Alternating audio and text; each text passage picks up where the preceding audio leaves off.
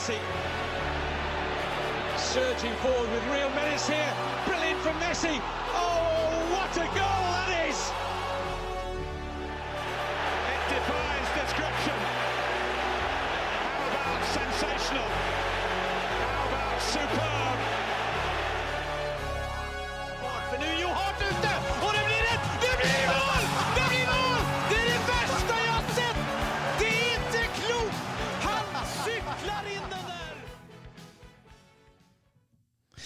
Ja da! Velkommen til episode 225 av den uh, briljante fotballpodkasten 90 minutter med meg i studio.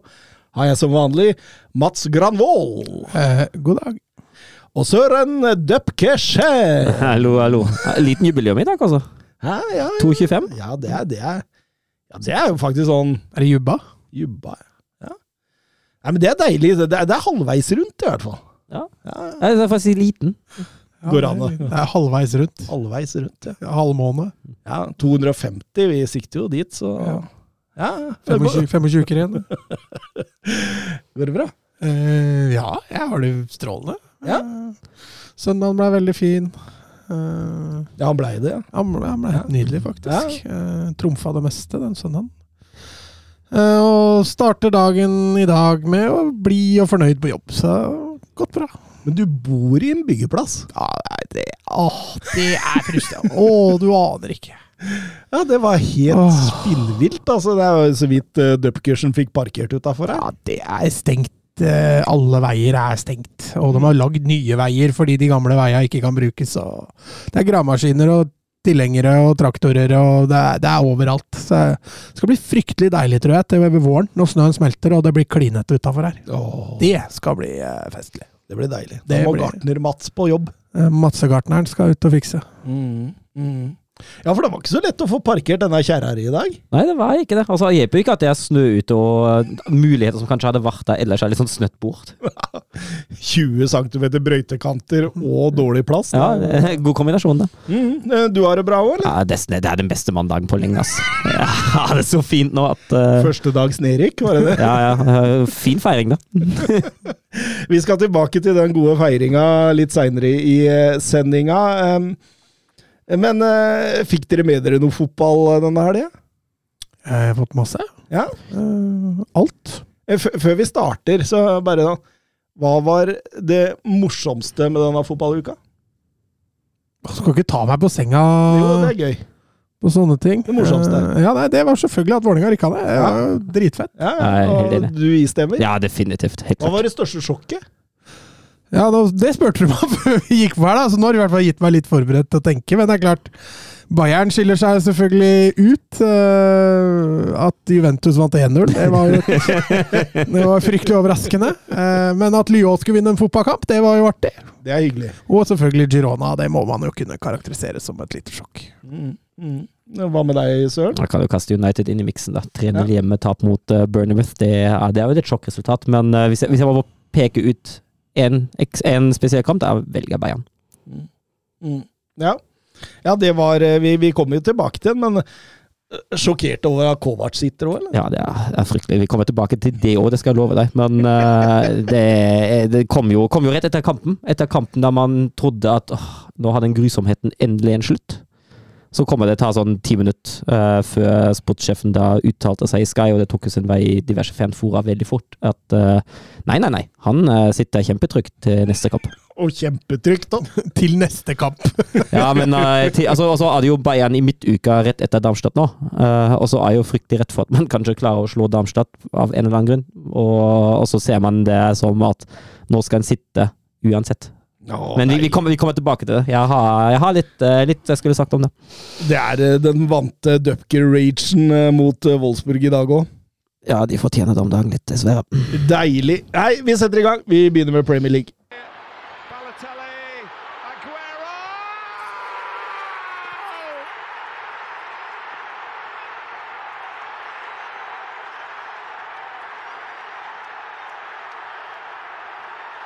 Swear you'll never see anything like this ever again.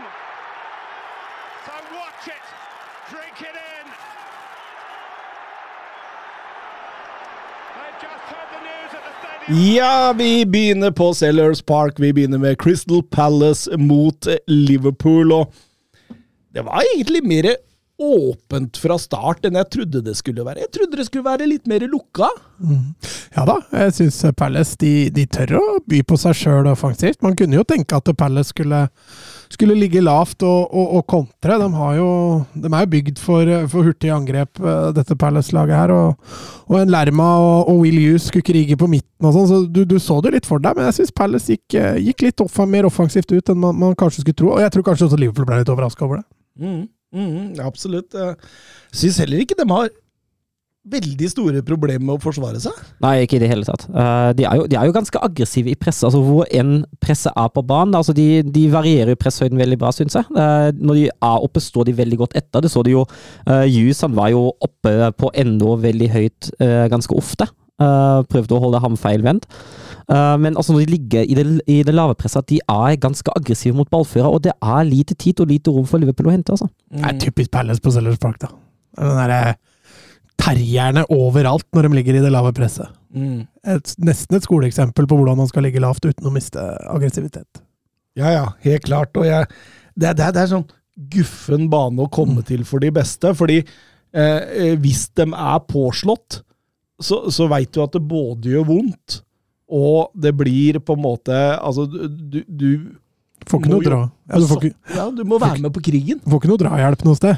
Det gjør ikke det. Eh, de, fikk et straffespark. Det ble omgjort av VAR, helt riktig, men eh, tidlig i annen omgang så får de et nytt straffespark. Eh, Mateta og Kwanza der i, i, i, en duell etter et innlegg.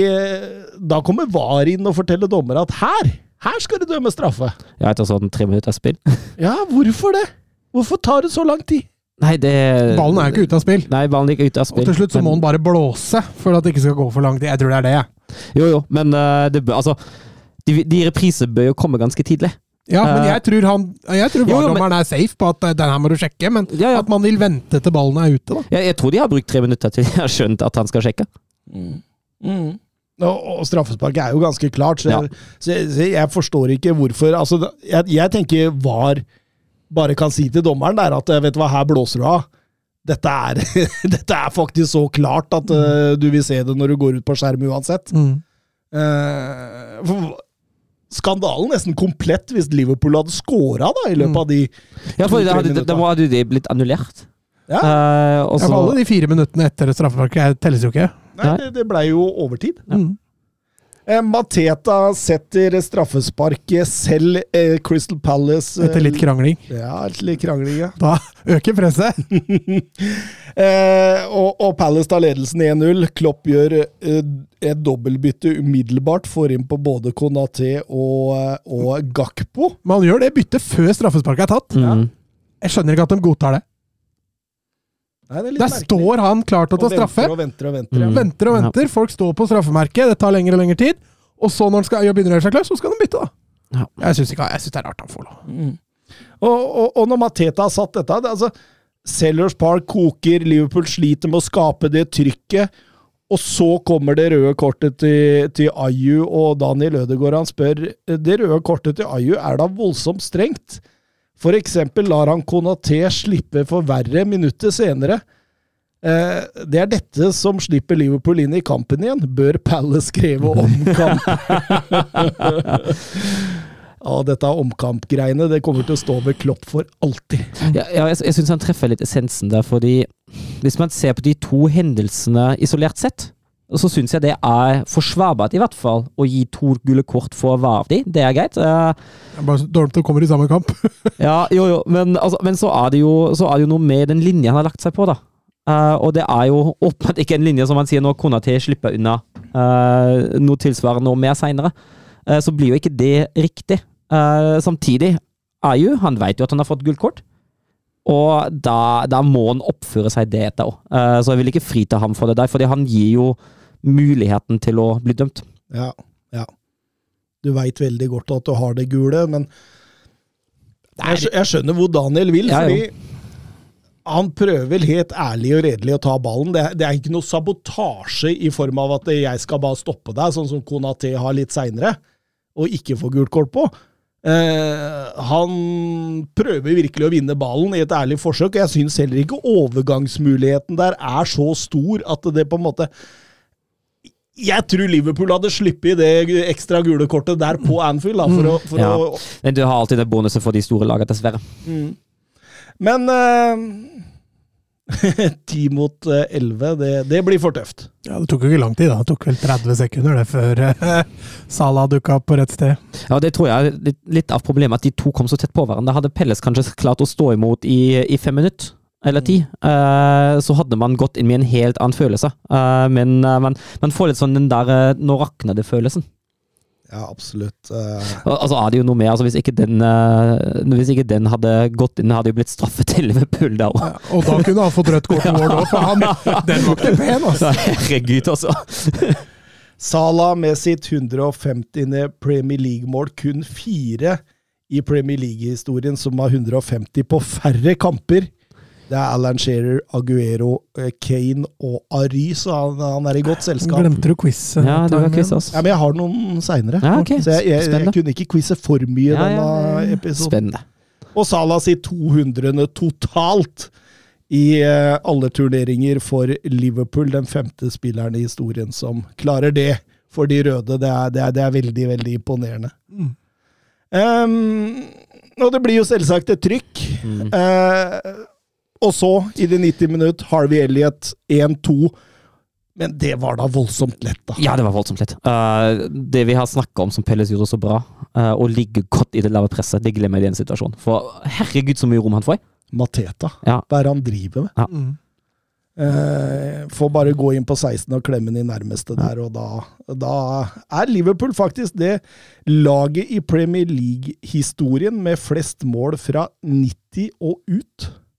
40% av disse har kommet under Klopp, så det er jo en mentalitet her. Det er jo det. Så, så, så meget, meget bra. Palace får en enorm sjanse med Andersen på bakerste helt mot slutten der. Altså, det skal ikke være lov, ass. Når du leder 2-1 og du er en mann mer og Men for Altså, flaks for dem kanskje at det er Andersen som får den, for uh, Mm. Allison, eh, og at Alison står i mål igjen, kanskje. ja, den redninga Alison har i første omgang der, Han ja, er matchvinner i den kampen her, altså. Helt klart, og da vinner Liverpool, og de tar seg på toppen av tabellen. Var ikke, Meget imponerende. imponerende. Var ikke, var ikke pent, men eh, effektivt. Og tre poeng er tre poeng. Det er mye som for topplaga denne sesongen, at det er, det er ikke alltid like pent. Men de, men, men de krangler til seg poeng. Det er det som skiller Clinton og Veten her, altså. Eh, vi må over til eh, ja, noe som er nærmere Veten enn Clinton. Mm. Manchester United de tok imot eh, Bournemouth på Old Trafford. Et Manchester United-lag som slo Chelsea i midtuken. Ja, det var litt imponerende. Ja, Scott McTominay, banens beste spiller med to mål. Harry Maguire hadde mottatt månedens spiller eh, i eh, Og, og det, det er nesten litt komisk. At det liksom på en måte Hvor fort det svinger i fotballen. Ja, det er jo det. Det var Fordi den kampen her Og guri malla, altså. Ja. Det var, det var jo grusomt egentlig fra start til slutt. Ja, Bournemouth er jo også i kalasform, da. Det Jo, jo. skal for Men- all del sies. Altså, Bournemouth kunne jo ikke møtt United på et bedre tidspunkt sånn i utgangspunktet, tror jeg. Men at, at det skal ha noe å si for Manchester United på Old Trafford i hvilken form AFC Bournemouth befinner seg i. Det, skal, det, det, er nettopp det. Jeg, jeg, når vi snakka om dette før sendinga, så følte jeg eh, den der skapfanen av Manchester United over, eh, over bordet her. Prøver liksom å lette på det, men dette her er jo ikke godt nok, Mats.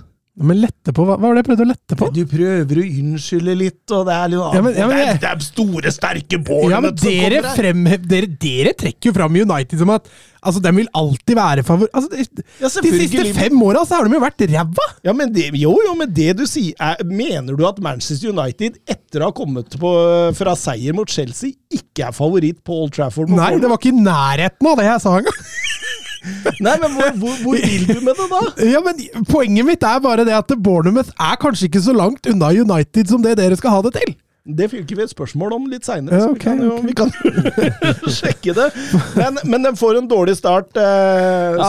det er tidlig. Ja, helt klart. Og dårlig, dårlig frispilling òg. Uh, Fryktelig passivt, og det gikk Ja. jo gjennom hele matchen. for Ja. United. Ja, det, det gjorde det, og det er ikke rart at man, eh, at man får en i sekken da. Og så er det jo noe med reaksjonen, da. Ja, det er det. Jeg, jeg skjønner ikke helt hva de vil i denne kampen.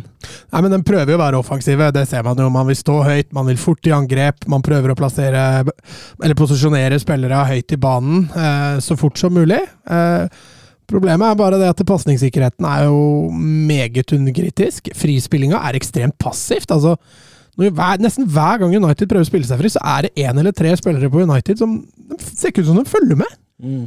Og det er klart at da, da er det vanskelig å både etablere, det er vanskelig å spille seg ut, det er, det er vanskelig å skape noe, men uh, jeg syns jo mentaliteten er for så vidt grei, i hvert fall sånn med tanke på det taktiske. da. Og så er det jo utførelsen som er uh, forferdelig.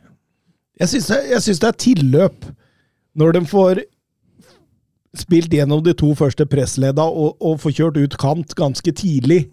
Eh, Anthony har mye ball. ja, han har mye ball, men han rygger mye òg. Han, han, altså, han uh, De snakka om Anthony var toveis, ja, men han, han er jo toveis vertikalt. Så det, det, det er veldig dumt, det å, å drive og, og frakte ball tilbake igjen. Så, jeg, så, så, så det, er, det er liksom Det er et eller annet med rytme der. Et eller annet med Du klarer ikke helt å sette fingeren på det, men de, de får rett og slett ikke Altså, det, det, de ska- skaper knapt nok en sjanse. Og det, det, det har vært en gjennomgang av denne sesongen her i mange mange kamper. Når vi har sittet og snakket om United, at uh, det mangler rytme, det mangler samspill, det mangler en, uh, en offensiv plan. Uh, man ser ikke helt hva de ønsker å foreta seg til, og da blir det at sjanser det er resultater av individuelle prestasjoner, eller gedigne tabber av motstanderlaget. Det har vært kamper, det har vært noen an, altså det har vært noen unntakskamper, da. Men jeg føler at det har vært litt sånn regelen den sesongen her, først og fremst. Jeg føler jo Scott, Co- eh, Scott Cominay Scott McTominay Han har jo noen muligheter, eh, hvor han kommer inn der og får ikke ordentlig avslutning. Garnaccio har en, har en ganske feit en der, hvor han prøver reprise fra Everton-målet. Det funka jo ikke så bra. Så det, det er liksom så litt, noen sånne nesten Men jeg føler liksom ikke offensivt at nødvendigvis der det verste er nå, da. Det er liksom tilstedeværelsen og, og, og det mentale biten på hvordan man skal vinne en fotballkamp. Jeg føler de er så langt unna i den kampen der. Ja, for det er jo, det, det er jo seks minutter ut i annen omgang der, hvor det går fra ille til verre. Først ved Billing der, hvor han knuser eh, Shaw i duellen på bakerste stolpe, og så en corner hvor Senesi får, får stå helt aleine, helt umarkert, og, og hedde 3-0 enkelt inn. Da, da, da, da, da er man ferdig i Premier League, når man slipper inn sånne mål. Da er man ferdig. Man har ikke kjangs til å komme tilbake igjen. Jeg ser Erik Ten Hag, han gjør, gjør noen bytter der. Bytter på kantene, bytter en stopper der, men det, det, det, det, hjelper jo ikke av det. Nei. Bruno Fernandes også begynner bare å sparke ned folk bakfra med for gøy. Så, så, For å slippe Liverpool-matchen? Det var det Tønna lurte på. Okay. Var, var det derfor at han prøvde å få seg et gult kort der? er, det er lett å anta det, faktisk. For det, det var veldig umotiverende, det han drev med. Uh, å tenke at den turen til Anfield, den skal jeg spare meg for. Men uh, altså, jeg har sagt det før, jeg er ganske naiv, da, så jeg velger å tro at det var frustrasjonen som tok eh, overhånd. Og så er det jo typisk Manchester United at de kommer til Anfield og gjør en god kamp. De har ikke vært det i år. Nei, det er kanskje ikke. Men, Ikke- men sånn, sånn historisk, da, når, Ja. når de ligger litt nede uh, så, så, Altså, De kan dra til Anfield og få et OK resultat, men de spiller en god kamp. Det har de vel bare gjort én gang i år, så Ja, eh, jeg, jeg omformulerer meg, ja. Eh, De kan komme dit og få seg et resultat ved å ligge defensivt og kontre. ja. Ja. Eh, Men jeg skrev det jo på Twitter etter kampen. Jeg får litt sånn Watford-feeling over det tapet. Altså fra da Solskjær fikk sparken, at det var så det var så lite som fungerte, og det så ut som det var elleve spillere utpå der som hadde resignert. Mm. Og, og, Ja, for det kunne jo blitt mye verre å mm. få en annullert scoring der. Riktignok helt riktig, men, men det er liksom marginer imot, eller med, da, som, som og, og, og Bournemouth får jo så mye rom å kontre på etter hvert at eh, Ja, hva, hva skjer med det annullerte målet til Dango der? Altså, Amrabat finner ut at det plutselig skal jeg sprinte med ballen 20 meter mot eget mål, og så skal jeg sende den til Maguire. Så skal han løpe mot det. Ja, altså, og, og, og, og Maguire, han mister den jo. Eh, Det er bare flaks at Dango får, eh, får en hens der, mm. idet han eh, passerer Onana. Nei, dette var ikke bra, Manchester United. Det er virkelig ikke bra. Ole Haaland, Manchester United-fan, vet jeg.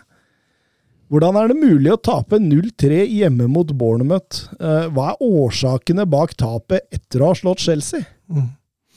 Ja, nei, altså du, Sånn rent taktisk så, så ser man jo her at, eh, at eh, man går ut litt med samme holdning som man hadde mot Chelsea. Man skulle, man skulle egentlig ikke ligge bakpå i det hele tatt. Man skulle stå høyt, man skulle flytte ballen kjapt over på motstanders banehalvdel, man skulle etablere spill der, og så skulle man skape sjanser deretter. Sånn at inngangene var nok ganske like, men, men for det første så, så møter man et lag som er komfortable med å ligge bakpå. De skal ligge og kontre, og, og de gjør jo kanonbra. Og så er det det vi har vært litt inne på, den, den naiviteten de har i frispillinga i den kampen her, den, den er grusom. Eh, og og de, de skaper sjøl enorme problemer på det. Eh, og så samtidig som du er innpå, da, når 2-0 kommer, så ser man jo nesten ut som er man, ferdig, da. man gir opp. Mm. Eh, og så har du selvfølgelig det mentale der, da, at man har fått en oppsving. Man har kanskje spilt sesongens beste kamp mot Chelsea, eh, og man så plutselig litt levende ut allikevel. Eh, og så kanskje man får litt sånn Da blir Bournemouth litt lettere igjen. Mm. Kan jo selvfølgelig hende at det har sniket seg inn en sånn følelse hos enkelte spillere, men eh, ja, det er, det er vanskelig å forklare. Du sa det jo før vi på, før, før vi starta her, at eh, fotballen er fryktelig uberegnelig, kan være. og United er vel et kroneksempel på det i år, egentlig. Mm. Vebjørn Fredheim eh, tenkte på det under Manchester United-Bournemouth. Er elveren til Manchester United mye bedre enn Bournemouth sin? Kjør gjerne en kombinert besteelver av disse elleve startspillere. Ja, mye bedre enn ikke, men eh, bedre enn jo. Eh, Navna til United er Ja. mye bedre enn Ja. Bournemouth. Ja, og potensialet Ja, i altså- navna er mye bedre. Mm. Og så kan man jo si at altså, det at uh, det at ikke Høylund spiller med en Martial på topp, det er jo, det er jo Erik Den Haas ansvar. Det at, uh, altså Nå har han vært dårlig den sesongen, for all del, men det at Varan ikke spiller, uh, det er Ten Haas ansvar. Eh, og det er jo, eh, er jo Det at Sancho sitter hjemme og spiller PlayStation, Det er Ten Hag, også det, det er helt riktig. Men, men når du ser de to elverne, da, så, og du ser dem opp mot hverandre, så tenker jeg det er kanskje én som er sånn han kunne du dytta inn. Så, og det er jo Solanke, sånn som han har vært nå i, i høst. Eh, Mm.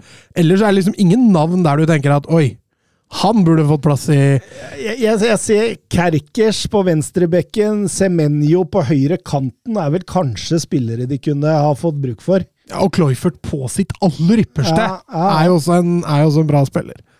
Men, Men, dette er jo ikke spillere som hadde etablert Eller skal spille fast i United i en elver. Neida, neida. Men når, vi kommer til det med Asa nå altså Før den runden, det var jo sjetteplass mot 16.-plass. Hvis man ser på de siste fem ligaresultatene Jeg er enig i at United har ikke prestert som ønsket, da, men de siste fem fullførte sesonger til United er sjette, tredje, andre, sjette og tredjeplass.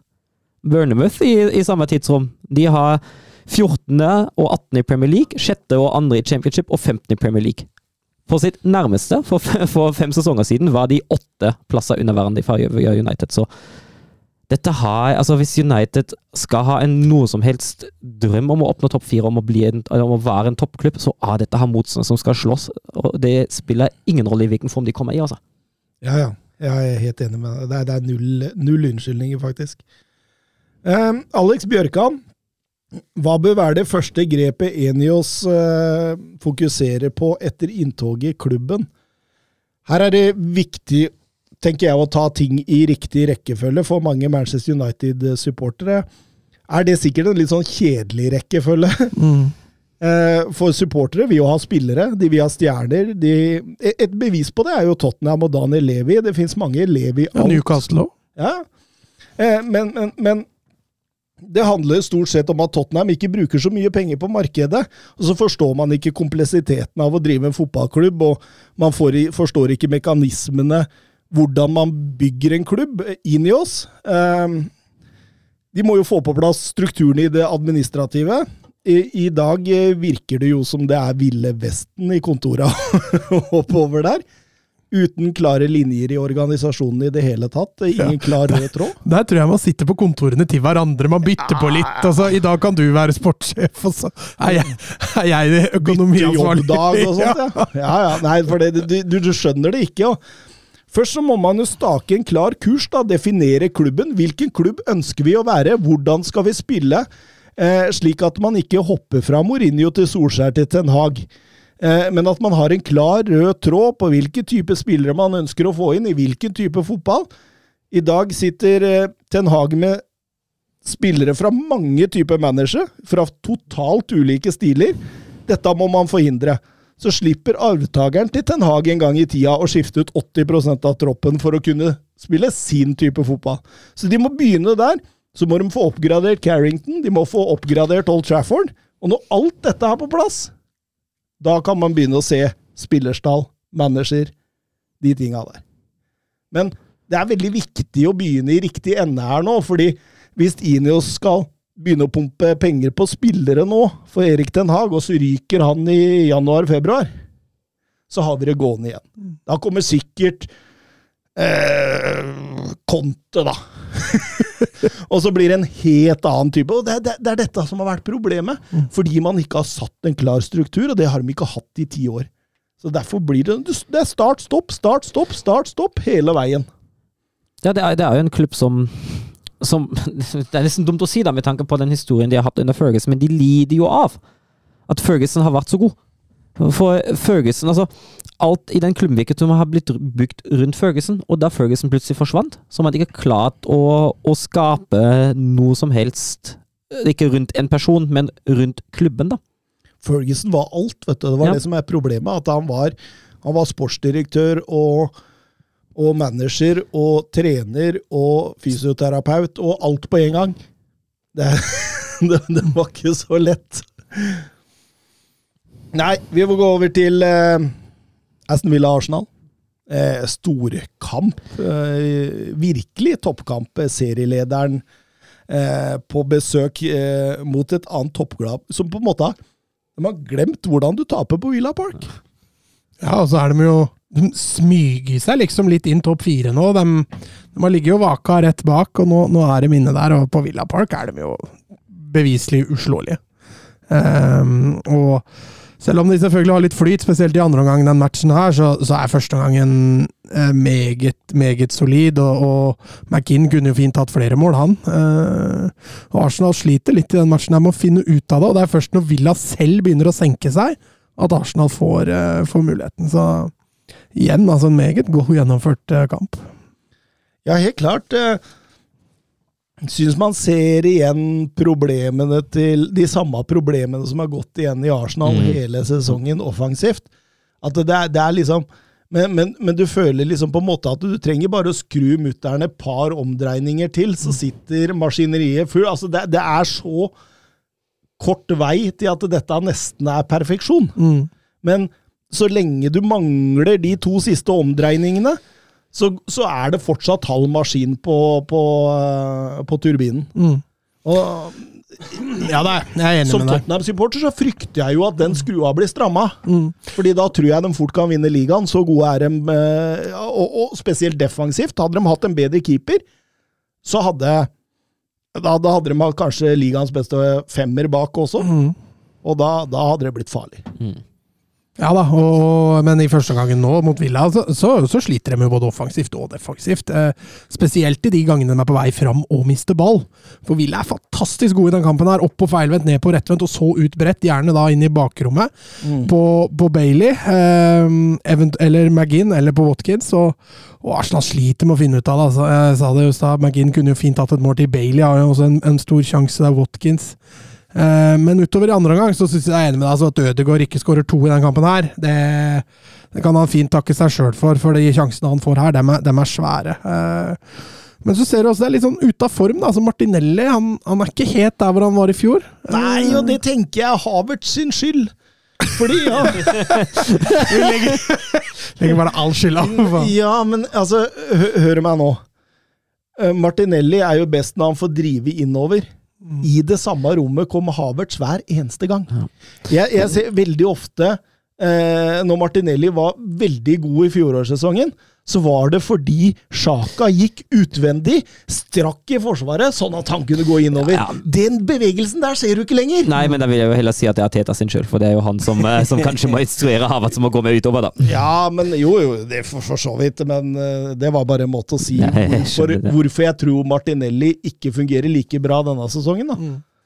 Eh, fordi Jo, men- de, men de, du ser går, jo de også- tråkker i samme rom. Men du ser jo også når den blir satt opp én mot én. da. Det er ikke like sånn at du tenker at oi, dette blir farlig. da. Ja. Sånn som når Rodrigo og Venitius setter fart på, så, og det er én mot én uten sikring, så veit du at det blir farlig. Men når Martinelli gjør det nå, så sitter du og føler at han, han er liksom ikke helt i form. da. Nei. Skulle Diego Carlos vært utvist?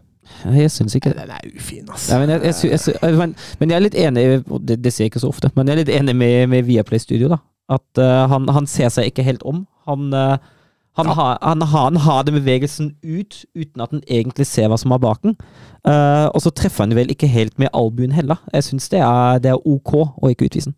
Nei, Jeg syns også det er greit at han ikke blir utvist, men den er ufin, og han lever veldig på grensa der. For jeg, jeg syns det ser ut som en bevisst handling.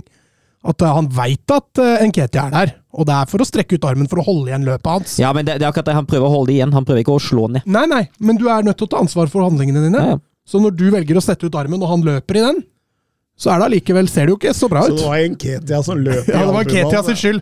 Egentlig var det Havertz. det jeg tenker meg om en, eh, en tid fra jeg tror det var en eh, kretskamp eller noe sånt, hvor det var en, eh, en midtbanespiller fra Vestfold.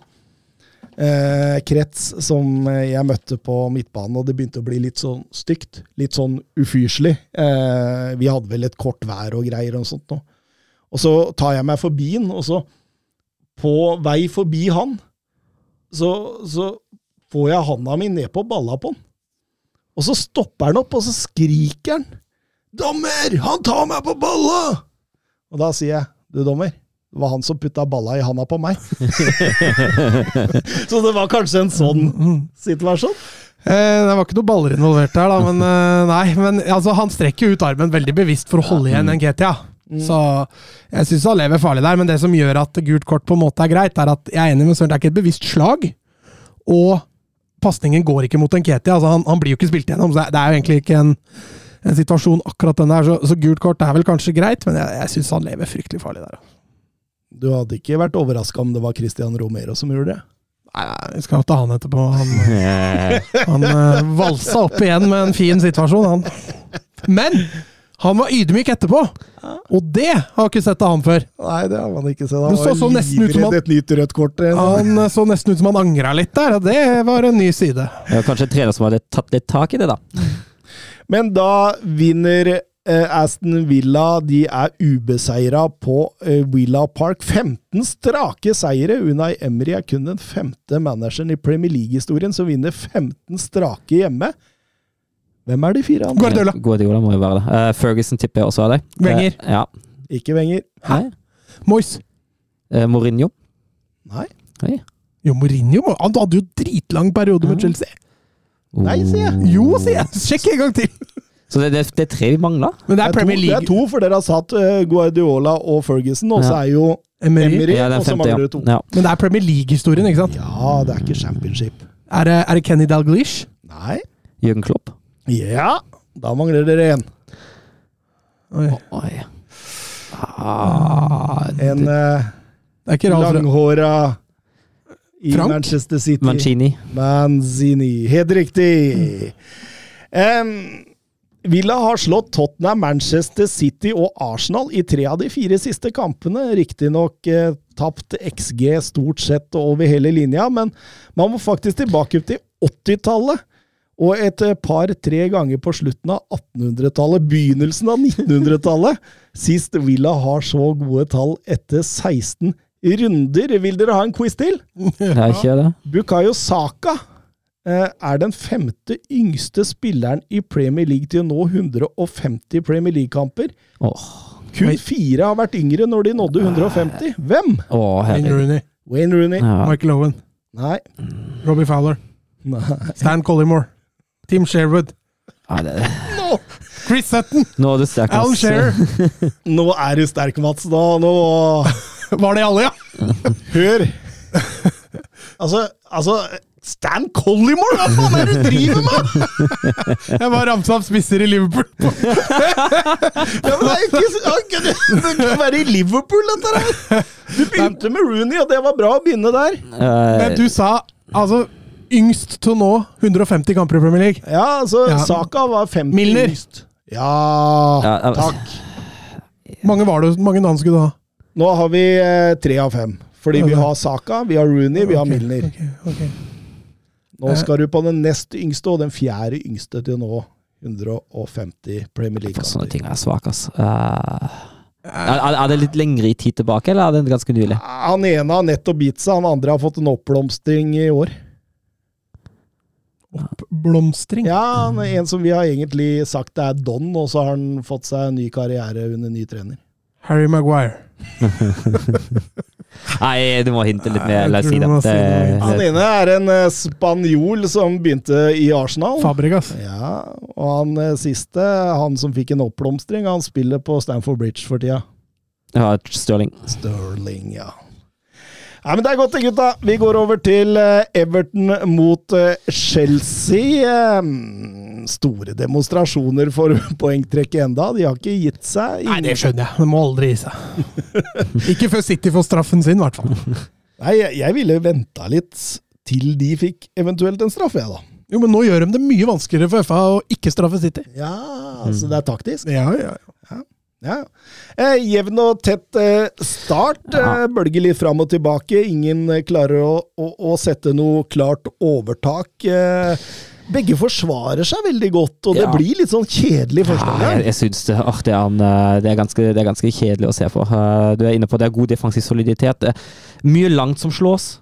Um, ofte at angrepsspillere er isolert. Uh, Borja sendes sendes jo på noen løpeturer, men er det sånn den eneste der på de lange som går? Uh, og da er det, det er ikke noe vanskelig for Everton å deale med Chelseas lange, og omvendt er det ikke noe vanskelig for Chelsea å deale med Evertons lange heller. Så det blir sånn Det er veldig mye som skjer mellom boksene, men veldig lite som skjer innad i boksene. Mm. Og når hun kommer ut i annen omgang, her, så virker det som begge lag har fått en stor dose kjeft, for da, da går trykket og identiteten opp. Man blir mer helhjerta. Det bølger litt mer fram og tilbake, og det er to lag som på en måte trøkker litt mer til, og man får den der Goodison-feelingen da, som man, man, man eh, er vant til, og da og selv om Chelsea har mest ball, eh, så, så, så ser det like farlig ut når, når Everton kan kontre. Mm. Ja, litt by design, det. Altså, du ser ikke lagene til Deich uh, trille mye kule for å lokke ut motstanderen, så eh, det var nok litt eh, etter mening det fra, fra Evertons side. Så er det jo, som du sier, da, når de får den goalen ganske tidlig i første gang der, eh, til Docoré, så, så får de det litt som de vil, altså, Everton. Og det er, det er egentlig etter det som er Jeg ble litt overraskende. Så mye han rullerte på laget, spesielt formspillere, da, som Stirling, som du har vært innpå nå. Eh, Brocha, som kommer inn på topp der. Jackson har begynt å se enda litt bedre ut. og Ja, har det. ja, Jeg sier ikke at han begynte å skåre mål. Eh, Jeg bare sier at eh, han, han har begynt å ta litt mer tak i det. Eh, og da begynne å rokere og rullere mot et Everton-lag som liksom er en sånn skada, skadeskutt bjørn som ligger litt nede, det, det er skummelt, altså. Jeg syns Chelsea ofte avslutter på feil tidspunkt. At det er noe med timingen der. Og det den, det får det bekrefta i XG-statistikken. Uh, Chelsea hadde sammen 0,89, men den beste sjansen de hadde, hvis du ser på XG rein på skutt, da, den hadde 0,13. Vil du vite hvilken vei, eller kan du gjette hvilken vei? 0,13 XG. Ja, det var eh, null Nei, det, Nei, det var, det var frisparket til Palmet en time. Ja. Det var det som hadde høyest XG, og det, det, sier litt sånn, sånn ganske mye om akkurat det du er inne på, om avslutningstidspunkt, om det å, å spille seg til sjanse, om at det, det er veldig mye tilløp med nesten og alt det der. Ja, ja, jeg syns liksom man kan f.eks. dytte ballen en gang til til side før man avslutter. At man, man, man, man kunne ta med seg ballen noen meter fremover før avslutning. At man eh, kunne venta ut forsvarsspilleren istedenfor å kline den rett i blokk. Det er, det, er, det er litt sånne ting. Jeg syns det liksom at man avslutter med litt høye skuldre, da. Mm. Timinga på, på angrepet er for dårlig, ja. Ja. Mm. Og selv om de trykker bra der, så er det jo eh, den lokale helten Louis Dobbin som får stjernetreff etter en corner der, og da, da er det kjørt. Everton tar sin tredje strake. Det er så koselig når sånne scorer mål. Altså. De blir så veldig ja det, det, glad. det er helt nydelig. Å, det blir litt varm i hjertet. Da.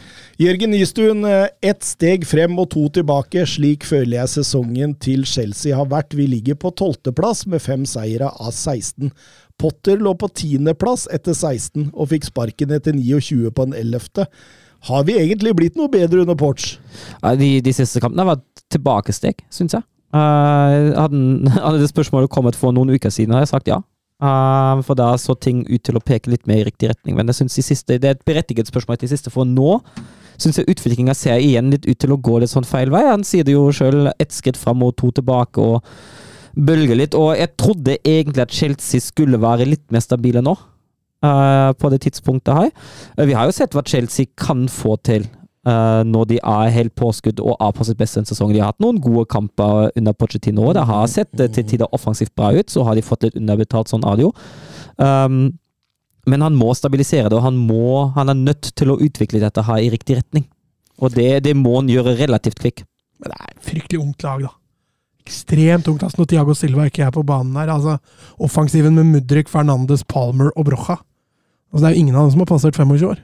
Nei, Altså- ikke 23 engang, kanskje. Nei, omtrent ikke. ikke sant? Så det er klart Det er som Søren er innpå, da. altså De kommer jo til å variere ekstremt mye, også under en, en god trener. Og, og når Tiago Silva ikke spiller der, Reece James går jo av. Eh, mye erfaring, mye rutine, da, som, som de ikke har. Eh, og da, da kommer det til å variere. Og, Men, men, men får vi full, altså fullverdig vurdert Pochettino før de får en klar nier? Nei, vi gjør jo egentlig ikke det. Um, men jeg, jeg, må inn, altså jeg er jo litt bekymret på Pochettinos vegne hva Boyle kan finne på. Uh, for jeg kan tenke meg at da, man begynner å bli litt nervøs. Det er jo, vi har jo snakka om det. Det er jo det som ikke må skje. Når man velger Pochettino, så velger man, uh, velger man også litt framtida.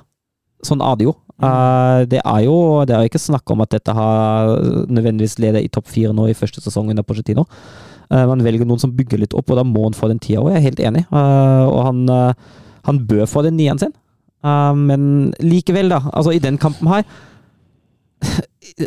Det har vært en del kamper der jeg tenkte at nieren nå hadde hjulpet, men akkurat i den kampen her ser jeg ikke altså, Jo, det hadde jo sikkert hjulpet litt, da, men jeg kan, jeg kan ikke se at det hadde gjort så stor forskjell akkurat her nå, altså. Og Skimen inn i den elveren her mot Everton, hadde det blitt bedre, Mats? en innspilt Oshimen hadde jo selvfølgelig hjelpa. Han Med er en, Konko bak? Ja, ja, selvfølgelig. Altså, litt det, det er litt, men det er litt det vi som jeg var innpå. da, det, er, det er mye urutinert der, og det, det er ikke spilt inn. Uh, å, å fyre Pochettino nå altså, Det er ikke sikkert Chelsea kan overleve, eller overleve gjør de nok sikkert, da, men det er ikke sikkert det at å, å spille Europa, ikke spille Europa i to år det er ganske store tap. Både Fair Play, holdt jeg på å si. Det der, hva heter det for noe? Financial Fair Play. Ja, Financial Fair Play. Og sånne ting får jo en trøkk. Boiley kan ikke bare handle som full, sjø, full sjømann. Nei, det er ikke lov å si. Ja, Nei, det var ikke lov det. Som, som edru sjømann. Han kan ikke Han kan ikke bare splatte om seg med penger da, når de ikke er i Europa. Det er, det er en dyr spiller, det, når de ikke er i Europa, som ryker da. og og spørsmålet er om de kan ta seg råd til det. Og da er, mener jo, det var litt det vi var inne på før sesongen, om Pochettino da er riktig mann, for han må få tid. Mm. Og i hvert fall, jeg tror alt ligger til rette for at Pochettino kan, kan lage et fantastisk godt lag ut av det her. Han er så dyktig på spillerutvikling, han er så dyktig på å håndtere unge spillere og, og sitt eget system, men han gjør, han gjør ikke det på et kvarter. Nei. Nei.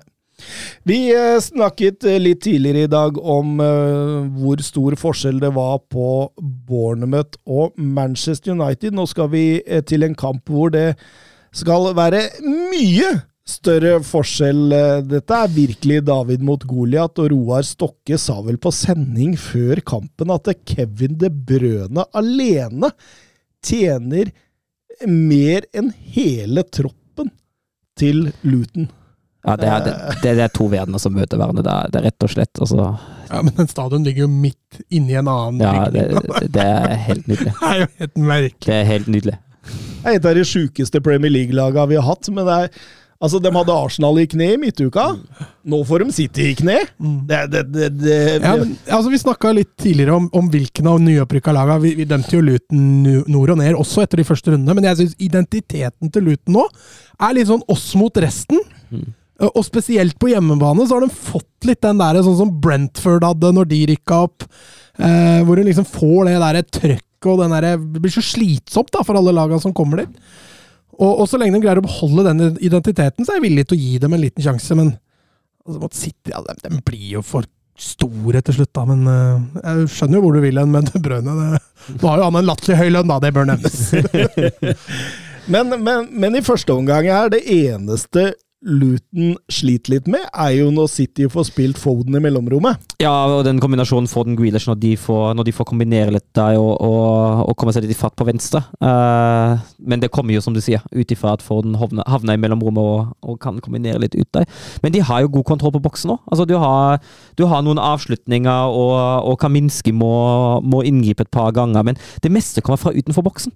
Det er litt sånn skutt fra sånn 18-19-20 meter. Det er ikke noe voldsomt trøkk. Eller jo, altså trøkk er det jo, det er jo mye ball, men det er ikke noe voldsomt uh, sjansebonanza, det der. Uh, Nei, det er ikke det. Jeg syns Alvarez er svak i nieren. Jeg synes Grealish han står og tråkker og tråkker og tråkker og han sinker tempoet. Han var litt tilbake igjen første sesongen sin i City, Ja, ja, hvor han skal bruke ti touch hver gang han har ballen. Det er nymoten Steve McManahan, hvis dere husker han i Liverpool. Hvordan han alltid dro ned tempoet i angrepet der. Eh, det, det, nei, det, det, det, det går så treigt. Det er rett og slett vakkert øyeblikk Nade Bayo setter 1-0 der rett før pause. ja, helt nydelig. Rett, fullstendig mot spillets gang, men ah, fryktelig gøy. Jo, men 100 kampplan til Luton. Ja, ja, ja, Han har- han har definitivt, truffet definitivt. 100%. Definitivt. Det var akkurat det. Men nei, det, det er- helt nydelig. Og det der trange, lille, intime stadionet som tar av, og, ah, det er, er fantastisk. Jeg digger det. Så er det en tre-fire minutter der City bare bestemmer seg, og da er det bort med Luton på, på kort tid. Ja da, litt flyt der òg. Selvfølgelig Rodry som bare durer inn i 16-meteren der, tar med seg ball, og så blir han jo takla. Og så er det en eh, fantastisk pasning i hjørnet fra Bernardo Silva der, som viser sin klasse, og så kommer det Jeg veit ikke, er det en tabbe, eller? På bakerste der, når han skal klarere? Eh, jeg føler den bør kunne klare å klareres før Grealish er på den, altså. Den, den bør vel kanskje gjøres, det. men, men det, det er to bort og i, vekk med dem. Og, og, og selv om Luton på ingen måte hadde tenkt å gi seg, og, og, og Ross Barkley han herja jo til tider. Så, så, Han var god i midtuka òg. Fy Mm. flate, han var god i midtuka. Så, så var jo liksom Du, du satt jo lurt litt på får vi en sluttspurt her fra, fra Luton, og det, det, det skal sies, altså. De, de ga seg ikke. De kjørte på. De fikk noen dødballer, de fikk noen overganger. og Det var jo et par ganger du tenkte at det liksom Jøss, Luton spiller City litt eh, lave. Mm.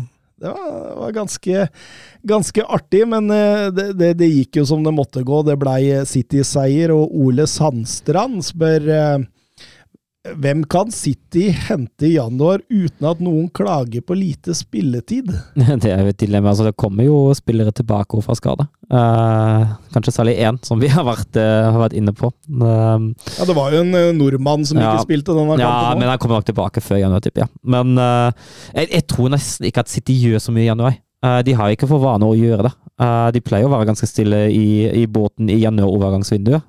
De har jo en tropp som absolutt kan vinne både Premier League og Champions League. Og et enda viktigere spørsmål er jo kanskje hvem skal City hente inn og forsterke den troppen der. Eh, For jeg ser ikke helt hvilke spillere som kan gjøre dem bedre, som også er tilgjengelige i januar. Men, men jeg følte i sommer så forsterka City troppen. Jeg føler at det er på tide å forsterke elveren snart. Mm. Altså fordi tapet av Gundogan, det, det, det merker du enkelte ganger der. Eh, du merker at eh, Kevin De Brøne er borte. Eh, kommer riktignok tilbake, men åssen form er han når du kommer tilbake? Det er jo spørsmålet, det òg. Så Hølet til Rodry når han er borte. Ja, det er Det er jo Men du- men det er for stort. Ja, jo, jo, men hvem, hvem får du som veit Nei, nei, nei. veldig godt? Nei, er derfor jeg skulle også, Mm. bare for å diskutere med Thomas, da, altså bredden til City òg. Den er jo vel så viktig å få forsterka. Det er jo hatt kamper i år hvor dem Bob har vært eneste offensive alternativet på benken. Når du da starta med Doku, Haaland, Alvarez og Bernardo Silva da, framme, eller Foden for den saks skyld. Sånn at det er bredden offensivt det er jo heller ikke tipp topp når du har to-tre skader. da. Det er klart, Du kan ikke belage deg på det hele tida, men Nei, fordi det er det jeg mener, at det å hente en uh, eh, eh, ja, hvis, hvis du henter en spiller som er sånn noenlunde på nivå med alle andre der, da, så, så, så er det jo ofte en spillemann hvem skal du hente som er bedre enn de som er der? da? Ja, det er litt det, da. Ja, men det, men det, I, hvert fall, i, i, janu- I januar får du ikke det. Nei, i januar får du ikke det, men jeg tenker jo på lengre sikt. Ja, ja. Men det det, det er, jeg tror ikke de får inn en forsterkning i, i januar, da. Eh, det, I hvert fall det som man ser tydeligst, er jo når Rodry er borte. mm, ja, men det er jo altså, Det- det, det, Den klarer de jo. Altså, det, det er jo da òg altså, Hvem går frivillig i en, uh, i en konkurransesituasjon med Rodry, men som samtidig er Altså, å gå er god nok, da. Altså, han, hvilken, hvilken eh, backup henter du som er god nok, men innfinner seg i å være bak Rodri? Hva med han Kelvin Phillips i Leeds, da? Han tror jeg kunne gjort en god innsats på benken til City. Kan vinne mye titler der, han.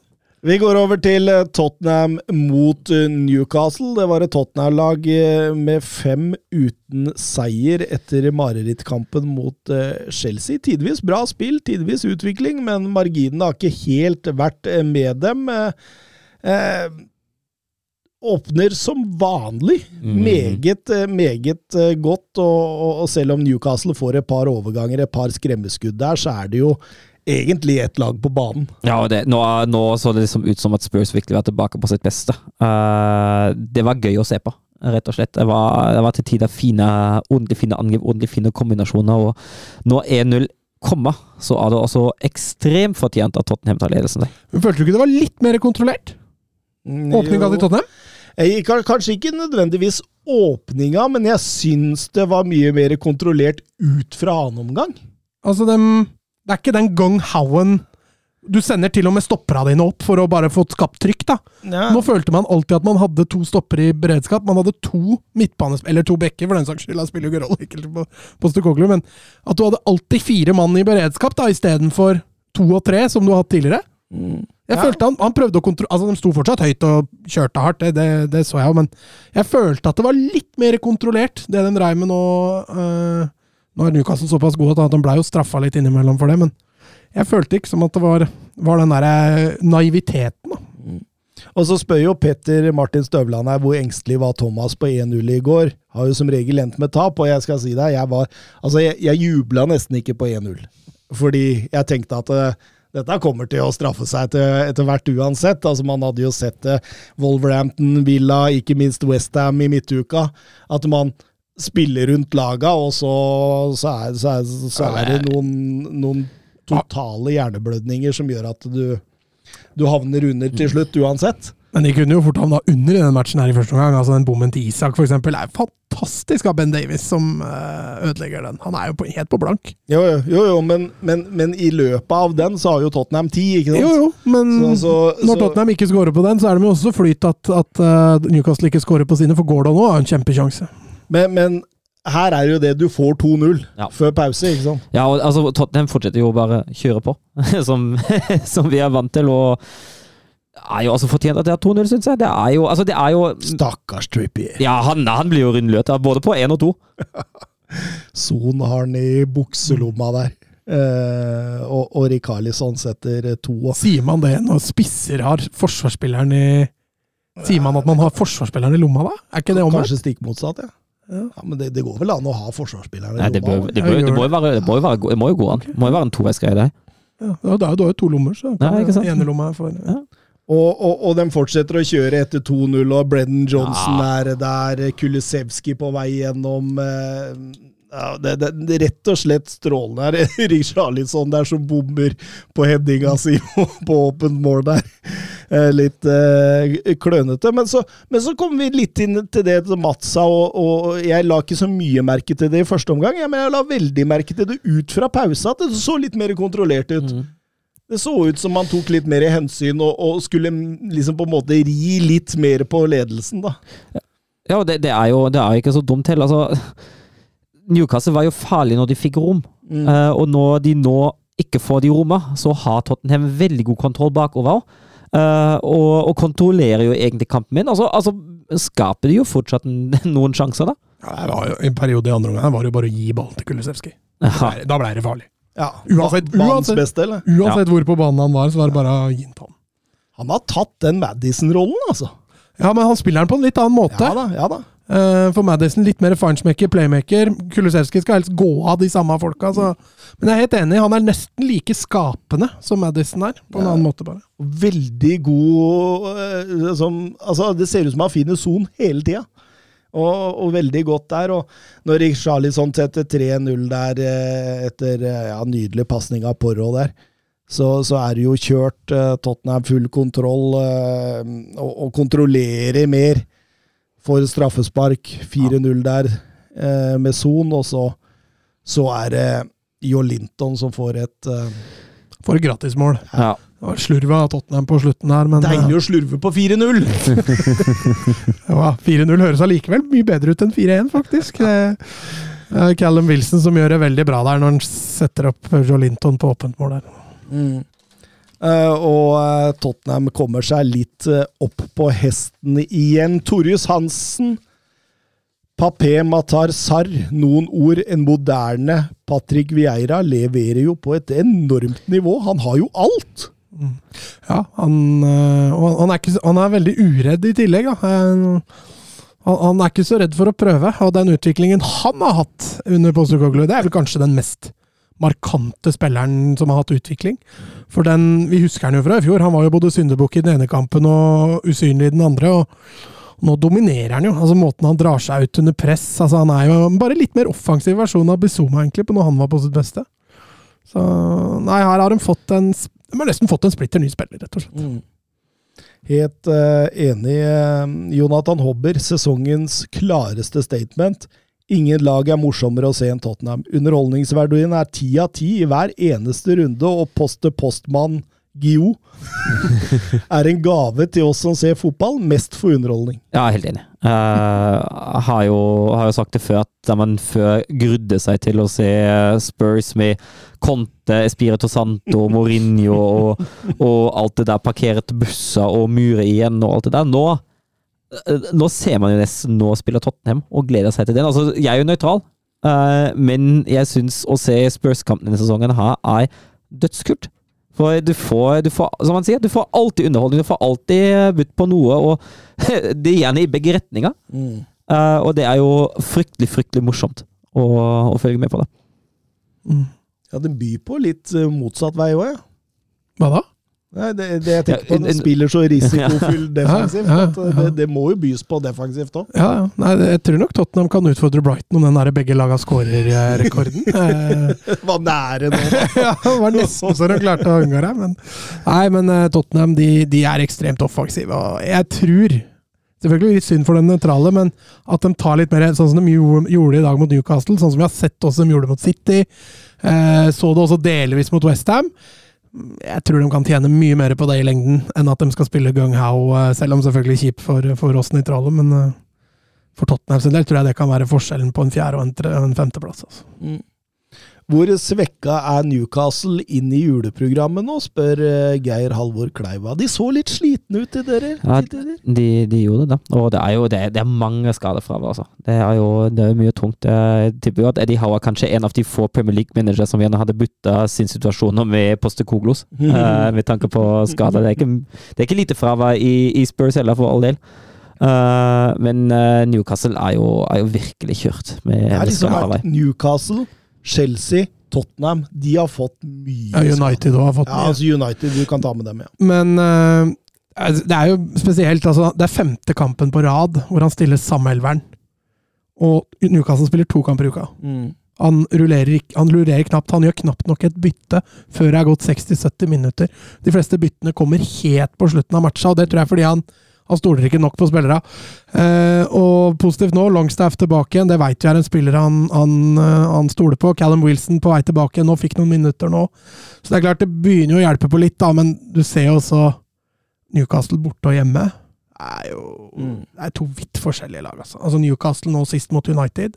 Bare bulldosa dem rett og slett over ende. Tottenham nå, et helt annet lag. Men nå var det jo bulldosing av Bournemouth mot United òg, så det er jo ikke noe målestokk. Nei da, men United bulldosa jo Chelsea igjen, altså. Ja, men det er, litt over til Eivind Stølen, da, når vi først er inne på dette nå. Fordi han skriver Chelsea eh, Newcastle 4-1 til Newcastle. Eh, Tottenham Chelsea 1-4 til Chelsea. Tottenham Newcastle 4-1 til Tottenham. I tillegg går både City, Manchester United og Arsenal på blemmer. Eh, vurder stabiliteten til de antatt topplagene i Premier League denne høsten, og hvordan det lover for resten av sesongen og videre i Europa. Altså, jeg syns jo det er veldig positivt, for vi får, vi får ordentlig spenning om tittelen. Jeg husker de åra der, der City og Liverpool eh, kriga om gullet, at det var jo nesten sånn at du tapt to kamper, hadde du av det.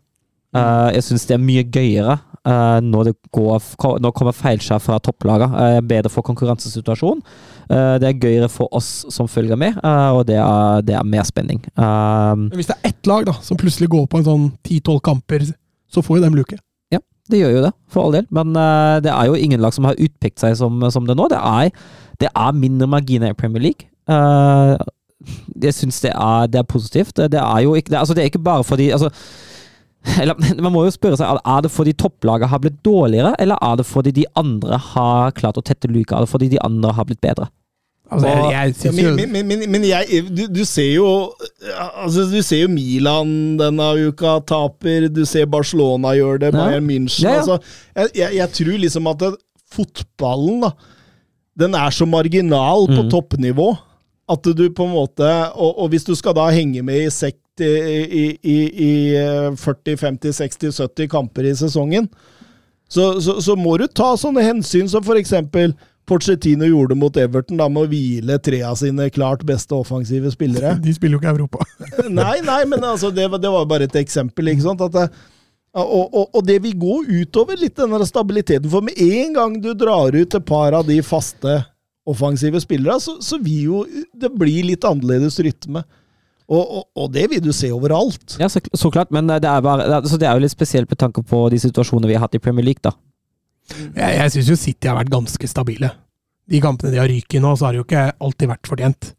Så det er jo litt marginer her også. Eh, Men jeg syns jo fortsatt City er det laget som totalt sett har sett best ut, selv om toppnivået til Tottenham, toppnivået til Arsenal, toppnivået til Liverpool altså Det har også sett veldig bra ut. Men jeg syns City er det laget som har holdt det best. Og de burde hatt tre poeng mot Tottenham. Eh, mot Villa så gjør de jo også en, en grei match og kunne fått med seg poeng derfra òg, så Samtidig, ja, samtidig har det blitt tøffere å møte Aston Det har blitt tøffere å møte Newcastle sammenlignet med forrige sesonger. Og det er jo Brighton er ikke lett, Westham er ikke Nei. lett, selv om Fulham karnøfla dem i går, da. Ja, og, og altså, Pelles borte har alltid vært ekkel for all del. Eh, men uh, Ja, Bournemouth ser du nå har, eh, har mye spill i seg. Nottingham Forest, det er ikke lett å slå på City Ground. Everton, Everton borte. Mm. Ja, ja, og selv Luton skaper trøbbel, så da, da skjønner du jo at det går mot en tøff sesong. Um, Liverpool, ny eh, serieleder for, for uh, runden, har, har ett poeng ned til Arsenal, og så er det faktisk Aston Villa på tre, så dette, dette blir gøy framover. Morsomt. Vi går over til eh, La Liga. Ja cap a la dreta per Xavi, assistència de Xavi més cap a la dreta per Messi, Messi, Messi, Messi, Messi, Messi, Messi, Messi, immens Messi, encara Messi, encara Messi, encara Messi, encara Messi, encara Messi, encara Messi, encara Messi, encara Messi, encara Messi, encara Messi, encara Messi, encara Messi, gol, gol, gol, gol, gol, gol,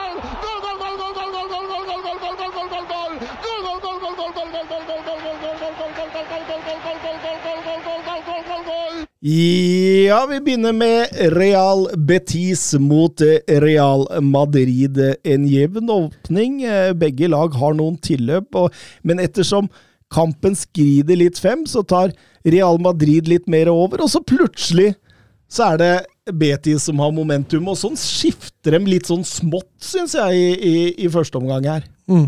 Ja, de har hver sine perioder innafor hver omgang, egentlig. Eh, Betis er ganske skarpe når de får lov å løpe i rommet der. Eh, Real Madrid, når de går fram, så sender de Altså, Vasques er jo på banen for å, for å være offensiv. Eh, Rui Ball, som er litt omskolert eh, ned til høyrebekk, er jo selvfølgelig offensiv av natur. Og, og eh, igjen så ser man jo at Real Madrid er litt sånn ubalanserte, spesielt på midten der. Brahim Diaz er ikke naturlig høyrekant, Bellingham ikke naturlig venstrekant. så Det blir mye vandring. Eh, og så spiller jo Mark Rocca på midten en, en strålende match, og Isco er jo uff, Han er knallbra for tida. Eh, så den, den byr på litt utfordringer for Real Madrid, altså.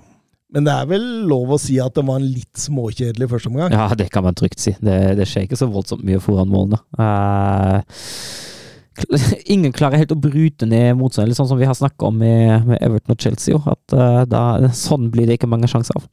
Nei, det kan, kan nesten minne litt om uh, Everton-Chelsea når Søren sier det. Ja. Mm. Eh, blir litt bedre i annen omgang. Da får man også et tidlig mål. Mm. Eh, først er det Betis som har en kjempekjanse der. Eh, det er vel Ayose Perez som stikker en nydelig sånn utsidepasning mot Isco Mm. der. eh, Han kommer akkurat på den, men eh, mm. Lenin er i verden. Og istedenfor Betis-ledelse, så er det, så er det Jude Bellingham, da. Ja, Ja, men altså, den, den pasninga til Brahim Diaz òg. Mm. Ja, lekka, men hvordan Bellingham tar med eh, den ballen da og avslutter, er jo fryktelig sterkt. Det er så majestetisk Ja. på måten han tar den ned der, Mm. og setter den med bredsida. Det er liksom det er litt sånn ikonisk. Det er litt sånn Du ser de største i verden gjøre, Mats. Mm. Ja, men det er timing òg, da. Skal til et annet, eh, annet lag i Spania som sliter med akkurat det der. Men timinga i det er jo helt strålende. Når du ser en fryser bilde fra når fastningen går, og bevegelsen inn bak. Eh, nedtaket på brystet. Eh, altså Det er så harmonisk, da, alt sammen. Både pasning, løp, mottak, scoring. Så det var vakkert utført. Men selv om Bellingham ikke hadde noe stor kamp, eh, hvis du ser bort fra 0-1-målet Det er jo offensivt der, er Rodrigo og Bellingham. Det er jo de som på en måte er trusselen. Ja, og så ser man jo litt av grunnen da, at jeg setter Bellingham venstre, er jo for at de to skal kunne være tett på hverandre. Eh, kombinere, for dem, dem har jo funnet en god tone. Eh, men men eh, du så jo Ruibal fikk satt inn de første taklingene der. men Et, ut, ut første omgang så blir han jo lekt med av Rodrigo. Som drar seg forbi gang på gang på gang, men de greier ikke å, å utnytte, det, utnytte det maksimalt foran mål der. Og, og det ser man jo litt av når Rodrigo må ut venstre. Så har de ingen foran. De har ingen i boks, rett og slett. Så de, de, de får litt for det, men de mister også noe på det. Og så er det jo denne Rui Ball som setter 1-1. Ja, klasseskåring. Drar han jo med seg drar han med seg 10-15 meter der, upressa, og, og bare få kanontreff fra, fra 20 par og 20 meter der, og, og Len, Lenin har ikke kjangs. Og glemte jeg et øyeblikk hva han het, så det blei ble Lenin. Det ble, det ble, Det ble Lenin. Ukrainske Lenin. Ja, ja. Nei, men det er en vakkert utført skåring av, Rubal der, og, og egentlig vel fortjent at, at eh, Betis får en skåring. Ja, absolutt, og da tenker man jo at det her er det muligheter for Betis. Samtidig så sitter man i følelse om at eh, disse kampene her har man sett 100 ganger med Real Madrid, og de går av med seieren til slutt. Ja, Bellingham på en dødball. Ja, et eller Ja. annet sånt. Men det var faktisk Peter som var nærmest seier til slutt, da. Mm. Ja, de hadde par, og, men, men jeg satt liksom og stussa litt også utover, for Real Madrid har liksom ikke all verden å sette inn. Altså, en Hoselu kommer inn der, og så må de ty til unggutta. da. Nico Paz eh, kommer inn der, men det er som Søren er innpå, det er jo faktisk eh, Betis som produserer den største sjansen på slutten her. Isco i Ja, den, den er kjempestor. Eh, fantastisk innløp av Isco. Det er mye vilje der. Han har, har så lyst til å bli matchvinner når du ser han løper inn der. Ja, helt, eh, helt klart. Men det ender 1-1. Real Madrid avgir eh, to viktige poeng, og, og, og Barcelona kunne jo da egentlig prøve å tette luken. Vi kommer tilbake til de. Eh, Mallorca-Sevilla, noen eh, ord om den må vi jo også ha. Eh, altså, Sevilla har ikke vunnet i La Liga siden 26. september. Tenk det! 26. september! Er det, er det noen lag i Europas topp fem-serier liga som har en lengre serie nå? Union Berlin vant jo, Olympic Villior vant. Ja. Det er de to som, som kunne få ta Union vet jeg har det lenge, men er det noen flere som har en lengre nå? Det tror jeg ikke, altså. Vålerenga, da, kanskje? topp fem. Eh, nei, jeg, følte med Sevilla den kampen der, altså. Fy flate. Og Diego Alonso, du ser han, nå blir han bare mer og mer resignert. Og, og Sevilla starter jo kampen veldig positivt. Har to store Ocampos der, et langskudd fra Gudel. Veldig nære å ta ledelsen, og så Mallorca første visitt inn i 16-meteren. Og så setter de en, og så ligger de bakpå. Sevilla de produserer faktisk flere gode muligheter. Nesiri har to, to store der, en i bakrom, en etter innlegg. Eh, Ocampos får en stor mulighet. Altså, den brenner og den brenner og den brenner, og så får de endelig skåringa si i det 75. minutt. Og du ser Alonso er ute, kom dere tilbake, vi skal ha et mål til. Og så er han borti armen til Nesiri når han skyter der. Og så bare så vidt det er borti. Og så blir goalen annullert, og da, da følte jeg mer, masse, for det, det, er, det mye vilje der. Og du ser dem spille litt for Alonso, da. Det, da er det så synd at de ikke får det til, for dem, dette her tror jeg en trener dem har litt, men nå, nå henger han i en tynn tråd. Altså. Og så skulle Altså, jeg fatter ikke at den ble diskutert mer. Enesiri der. Eh, han, han blir holdt så lenge Mm. etter det innlegget fra Mm. Janusai der, av Raio. Eh, han bommer jo på ball av at han blir holdt igjen der, for han kommer jo seg foran! Mm. Altså, hvorfor er ikke VAR inne der?! Jeg fatter det ikke, ass! Nei, altså, den er jo selvfølgelig Han holder den lenge! Ja, det er soleklar. Han, han slipper den jo ikke der, selv når han har blitt passert der. Og, og ja, De er heldige som slipper unna straffespark imot. Men det er litt, liksom, litt inn igjen det jeg sa på på Sevilla. Altså, det, det er ikke meninga. Det er rett og slett ikke meninga. De får ikke hjelp av, fra noe sted. Nei, absolutt ikke. Det, det, det, de, de står opp i en voldsom søledam som de ikke kommer ut av. og eh, altså, ja, Vi snakka jo sist episode om at de er på vei ned i gjørma. Nå er de jo i gjørma. Ja, nå gikk jo Mallorca med denne seieren forbi dem. Da, Ja, og jo, jo flere lag du taper som ligger bak deg, da, så, så, så, så tråkkes du lenger og lenger ned der. Ja, det er viktig å vinne- de der sekspoengerne du å holde seg unna de områdene der. Ja, Granada spiller jo hengekamp. Ja, Nå ligger jo Granada fortsatt litt bak, da, men de spiller jo hengekampen sin i dag, så de, de kan jo også kneppe innpå. Men, men tror dere uh, Sevilla er tjent på å beholde Diego Alonso? Men altså, det som jeg tror er positivt for han, da, det som må være positivt, eh, i hvert fall for meg som sitter utenfra, er jo å se hva spillere sier og hva de presterer på banen. Eh, Fordi tilstedeværelsen og engasjementet er jo der. Det er ikke den resignasjonen som vi har snakka om på tidligere stadier, på, på trenere som er på vei ut. da. Og det, det gjør at jeg er jo på vegne av Sevilla i hvert fall positive på at han, han eh, bør få litt mer tillit. Så er det til syvende og sist så, så må man jo ta høyde for hvor man er. Man kan jo ikke, bare fordi spillere er fornøyd, så kan du ikke bare gå og fortsette å tralte. For nå er de inne i en voldsom eh, Voldsom eh, dal, dal. Så de Jeg ville gitt han litt mer tid, men eh, det brenner på dass, altså. Rajkovic som gammel keeper, og han stengte målet der. Ja, han stengte målet. Altså, det var, det var to, to skalafurer som sto i hvert sitt mål, og den duellen vant eh, Rejkovic grei, altså. Mm. Han var, eh, var vel kanskje banens beste, Ja. denne Ja, han Mallorca-keeperen. var fullstendig avgjørende. Mm. Eh, Atletico Madrid mot eh, Almeria. Atletico Madrid med tabelljumboen på besøk. De står altså med 0-4-11 denne sesongen. De har Ja, fortsatt til gode å vinne. vinne. men Da har vi jo svar. Da er jo de, er jo de uten seier lenger enn Sevilla, da. Faktisk, faktisk. Eh, syns eh, Atletico Madrid starter strålende. Alvaro Morata gjør 1-0, Angel Ja, Correa ny- gjør 2-0. nydelig den der skåringa for Morata. Hvordan han eh, Og da, og da sitter du og tenker, Søren. Dette kan bli 5-0, 6-0, 7-0, for her er det så store rom. Her er det så eh, stor klasseforskjell mellom laga at dette er her eh, Men så, så bare dør det. Ja, men kommer ut i andre omgang. Og da, da virker det som at Atletico Madrid egentlig mentalt har dratt hjem. Ja. De skal ligge bakpå og kontre mot Almeria. Det er jo det er litt sånn Simione opp av dage. Nå har jeg satt, satt jeg i forrige episode og sa at det var litt anti-Atletico, det man driver med, men den andre omgangen der, den, den var forferdelig. Men, men tror du det var noe Simione ville? For jeg syns han så så forbanna ut på sidelinja der. Jeg, jeg, jeg aner ikke, men altså, kan jo fort tenke at han tenker at her skal vi spare krefter og cruise en 2-0-seier i god gammel Diego Simione-style. Jeg kan fort se for meg at han, at han er forbanna pga. utførelsen ikke fungerer, men at den taktiske planen egentlig er lagt for ham. Det kan jeg fort se for meg. Ja, jeg tror også. Jeg tror også kampplanen var å ligge lavt, altså skal kontrollere uten å bruke for mye krefter, og så skal man kontre. Eh, man fikk ikke til kontringene. Eh, man klarte ikke å stenge rom. Eh, altså Almeria fikk slå innlegg, de fikk tre seg gjennom midten. De var først på, på andre baller. Eh, Atletico hang, hang rett og slett ikke med. De er nesten litt heldige altså, i den andre omgangen der, for at de får med seg tre poeng. Ja, nå Baptistao skårer, skårer eh, 2-1 der, så, så tenker man jo at eh, nå må Atletico Madrid våkne. Det, det gjør dem ikke. Eh, helt utrolig, egentlig, at de klarer å gi bort de romma som de gjør. Embarba og, eh, og, eh, og godeste Arribas. De har, de har jo motorveier å, å, å gå på langs sidene der. og Nei, jeg, jeg, jeg fatter rett og slett ikke hva de driver med. Altså, det er så mye rom.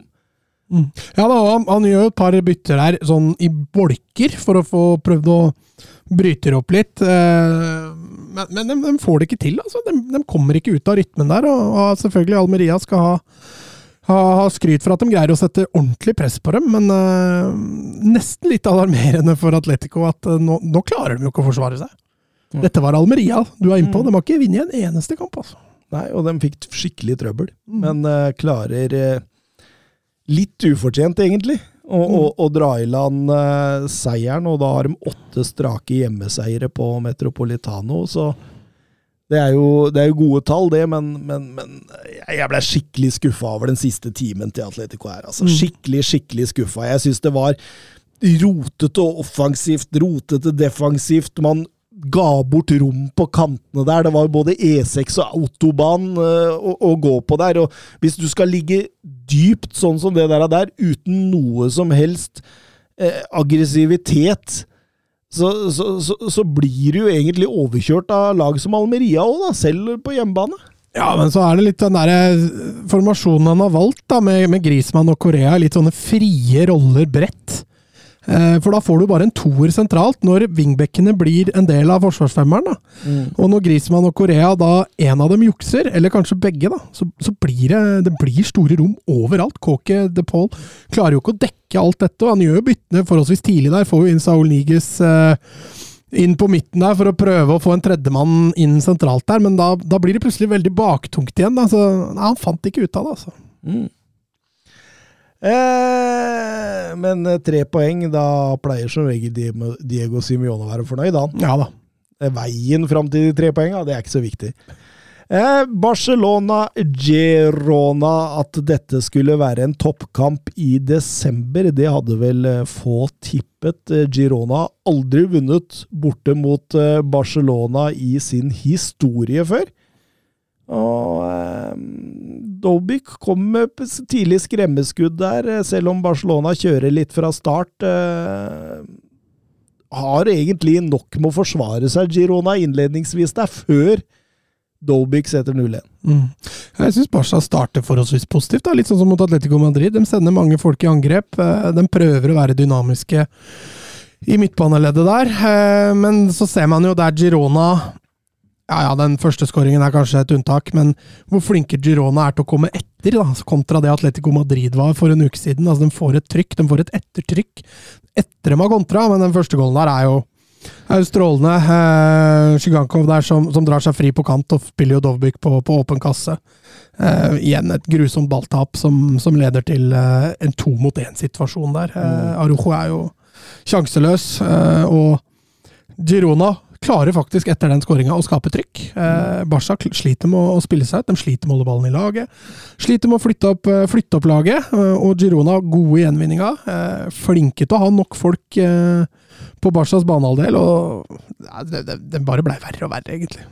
Ja, for det, Barcelona får riktignok 1-1 på en corner, Lewandowski. Ja, Lewandowski stangen inn, for all del. Men uh, det er jo Girona som legger et trøkk på Barcelona. Uh, og det er jo altså Miguel Gutires Han hadde vel uh, to eller tre forsøk uh, da han fikk lov å stille inn sikte før han til slutt skåra. Ja, da løper han jo over. Altså, han ble jo ikke pressa. Ja, nei, nei, det, Han løper jo 40 meter med ball uten press. det, det, det syns jeg har vært et problem for Barcelona egentlig i, i kampen. Altså Så snart førstepresset var borte, så var det en del rom. altså Presset satt ikke. Det var, det var dårlig det- Dårlig, dårlig posisjonering eh, imot ballen, da. Mm. Ja, nei, den, dette er en av de mest grusomme defensive kampene man har sett på en god, god stund. Og om det var en undervurdering inn der eh, mentalt, det, det er selvfølgelig vanskelig å vite, men det var Det skal vi ikke undervurdere Girona på Men Fredrik. Konradsen spør jo eh, kan eh, Mats Granvold få ett minutt eller to på å analysere forsvarsspillet til Barcelona. Ja, men jeg syns det første, første det, som- det som slo meg mest der, da, er jo Jeg skrøt jo litt av hvordan man ønsket å opptre dynamisk på midten der. Eh, Gundogan som åpenbart den som skal spille sentralt, og så har du Pedri og de Jong som indreløpere. Men de Jong har friheten til å vandre. Og da skal dynamikken slå inn med at Pedri de Jong, en av dem, må fylle rollen. Og her syns jeg Barca sleit fryktelig altså, i, i første omgang. Plutselig var Gundogan borte, og så var det kjempehull! Mm.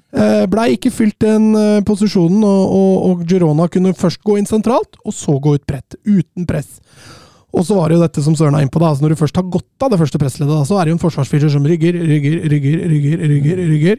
Og, en midtbane, og et midtbaneledd som bruker for lang tid hjem. Og da ja, Det var, eh, det var tynn suppe. Altså. Og, så er vi- og så er man jo fryktelig svak i én mot én. Det er ikke mange der som vinner sin én mot én-duell defensivt i perioder. altså. Nei, absolutt ikke. Og jeg syns jo også det offensivt eh, Altså, hvis du hadde tatt eh, Ikar Gundogan og hans løp inn i boks bort Mm. fra det offensive her, så hadde det vært tynn suppe, altså. Mm.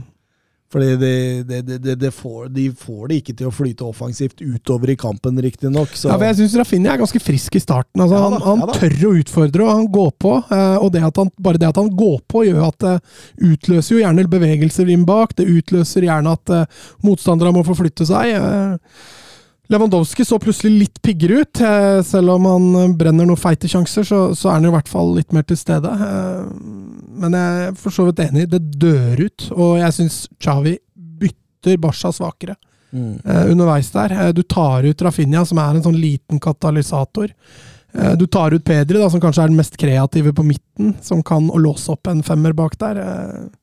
Nei, Jeg syns det er litt kritikkverdig det han gjør når han skal bytte der òg. Absolutt. Uh, Valeri Fernandez setter 1-3 etter en sånn Route One-scoring. Uh, Stuani reagerer også på den duellen mot Arrojo der. Hva er det Arrojo gjør? Han er blir så passiv. Mm. Eh, Ja, jeg syns Arrojo har kanskje en av sine svakeste kamper på lenge.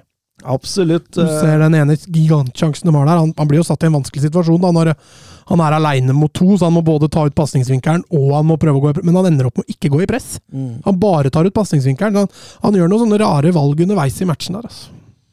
Men så er det jo litt sånn underkommunisert, da, fordi når Gundogan setter den utle eller reduseringen på overtid der, og det blir 2-3, så har jo Lewandowski Ja, ja. tidenes sjanse! Og da er vi på Vi har jo snakka om de elendige avslutninga i kampen, kampen sist òg. Da han hadde to-tre i lignende posisjoner som han klarte å få langt, langt unna mål. Og det er jo akkurat det samme. Det er, jeg, jeg, jeg, jeg fikk flashback fra forrige uke, fra forrige helg. Jeg har sett det før.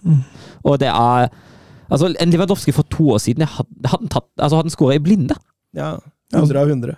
Tar du med den i første gang òg, så, så brenner han jo to ganske store sjanser i den kampen her. og Skårer han jo riktignok ett, så han slipper litt billigere unna med det nå, men eh, eh, helt enig, det der skal jo være mål uansett. Altså En spiller for Barcelona skal du skåre på de der.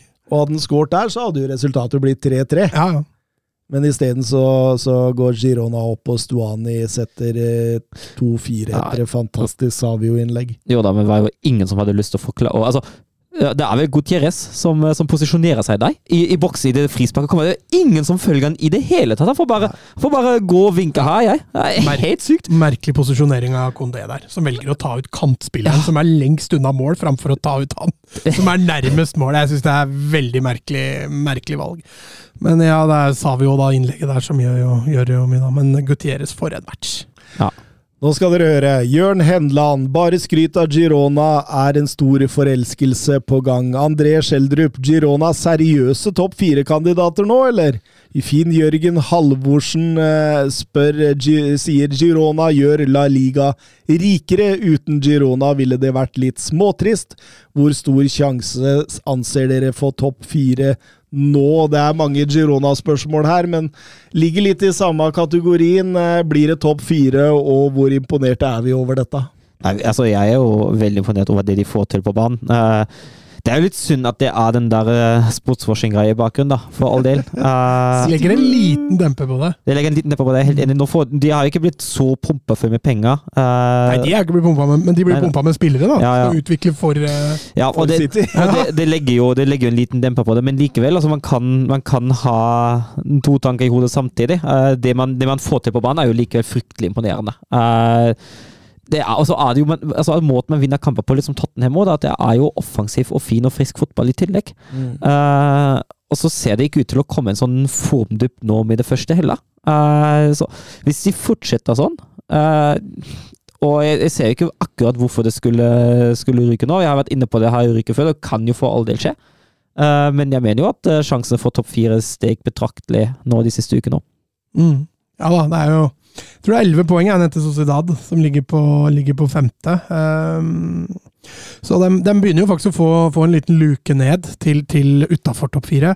Så veit man jo hvor fort det kan gå hvis, hvis formen begynner å duppe. Men altså, Girona har vist en, også en fantastisk moral denne sesongen, for de har ligget under i ganske mange kamper og kommet tilbake igjen. Eh, også nå mot Barca, hvor de tar ledelsen. Eh, så er det plutselig 1-1, og så får de jo 3-1 der, og så kommer Barca tilbake igjen med 3-2. Allikevel så går de opp og skårer 4-2. da, Så det er en offensiv mentalitet i det laget der som jeg skjønner at folk lar seg underholde av. og og jeg er jo helt enig. altså En, en, en Girona i toppen der beriker jo La Liga. Eh, ingen tvil om det. Og så skulle jeg bare ønske at eh, jeg kunne heid på et lag som kunne våkna litt. Bernt Olav Gjellier Hansen, eh, Laporta melder at de jobber med avtale rundt Cancelo og Felix til sommeren, og melder også interesse for Bernardo Silva. Det blir fort 200 millioner euro, det! Har de ikke lært noen ting? Hvor skulle de plutselig få 200 millioner euro fra? Det må være et sånt eh, forbrukslån fra Ressursbank, da, kanskje. eller noe sånt. Kan, kan ikke Spotify hete Spotify Eller Spotify Camp Nou kan vel hete både Spotify og Apple TV og Netflix Camp Nou? Kan ikke det? Netflix-kamp nå, ja. Den hadde vært uh... Altså alt sammen, tenker jeg. Eller kanskje de tar mer av denne TV-kaka? Ja. Snart solgte hun av alt av arvesølv. Men, men, men altså det- At, at de ikke har lært noe Jeg, jeg syns jo hele transferpolitikken til, til Barcelona er jo gjennomsydd av at de ikke har lært noe, da. Eh, vi har jo vært innom på det. Det beste hadde jo vært å, å kanskje satse litt mer på unge spillere som har en høy gjensalgsverdi, for å, for å friskmelde økonomien litt mer ved å, ved å selge spillere for mer penger enn man kjøper de, og da på bekostning kanskje at det blir noen år uten topp fire. Uh, Ja, men det skal topp fire blir det nesten uansett. ja. altså. Men nå skal det jo også nevnes at uh, Barca har jo snudd veldig om på det økonomiske, da. De, er ikke, de, Jo, jo, driver, de det- drives ikke mot underskudd Men, men, lenger. men, men, men jeg skjønner poenget hans her, fordi Trenger Barcelona Felix? Trenger de den? Sånn laget er nå, ja. Ja.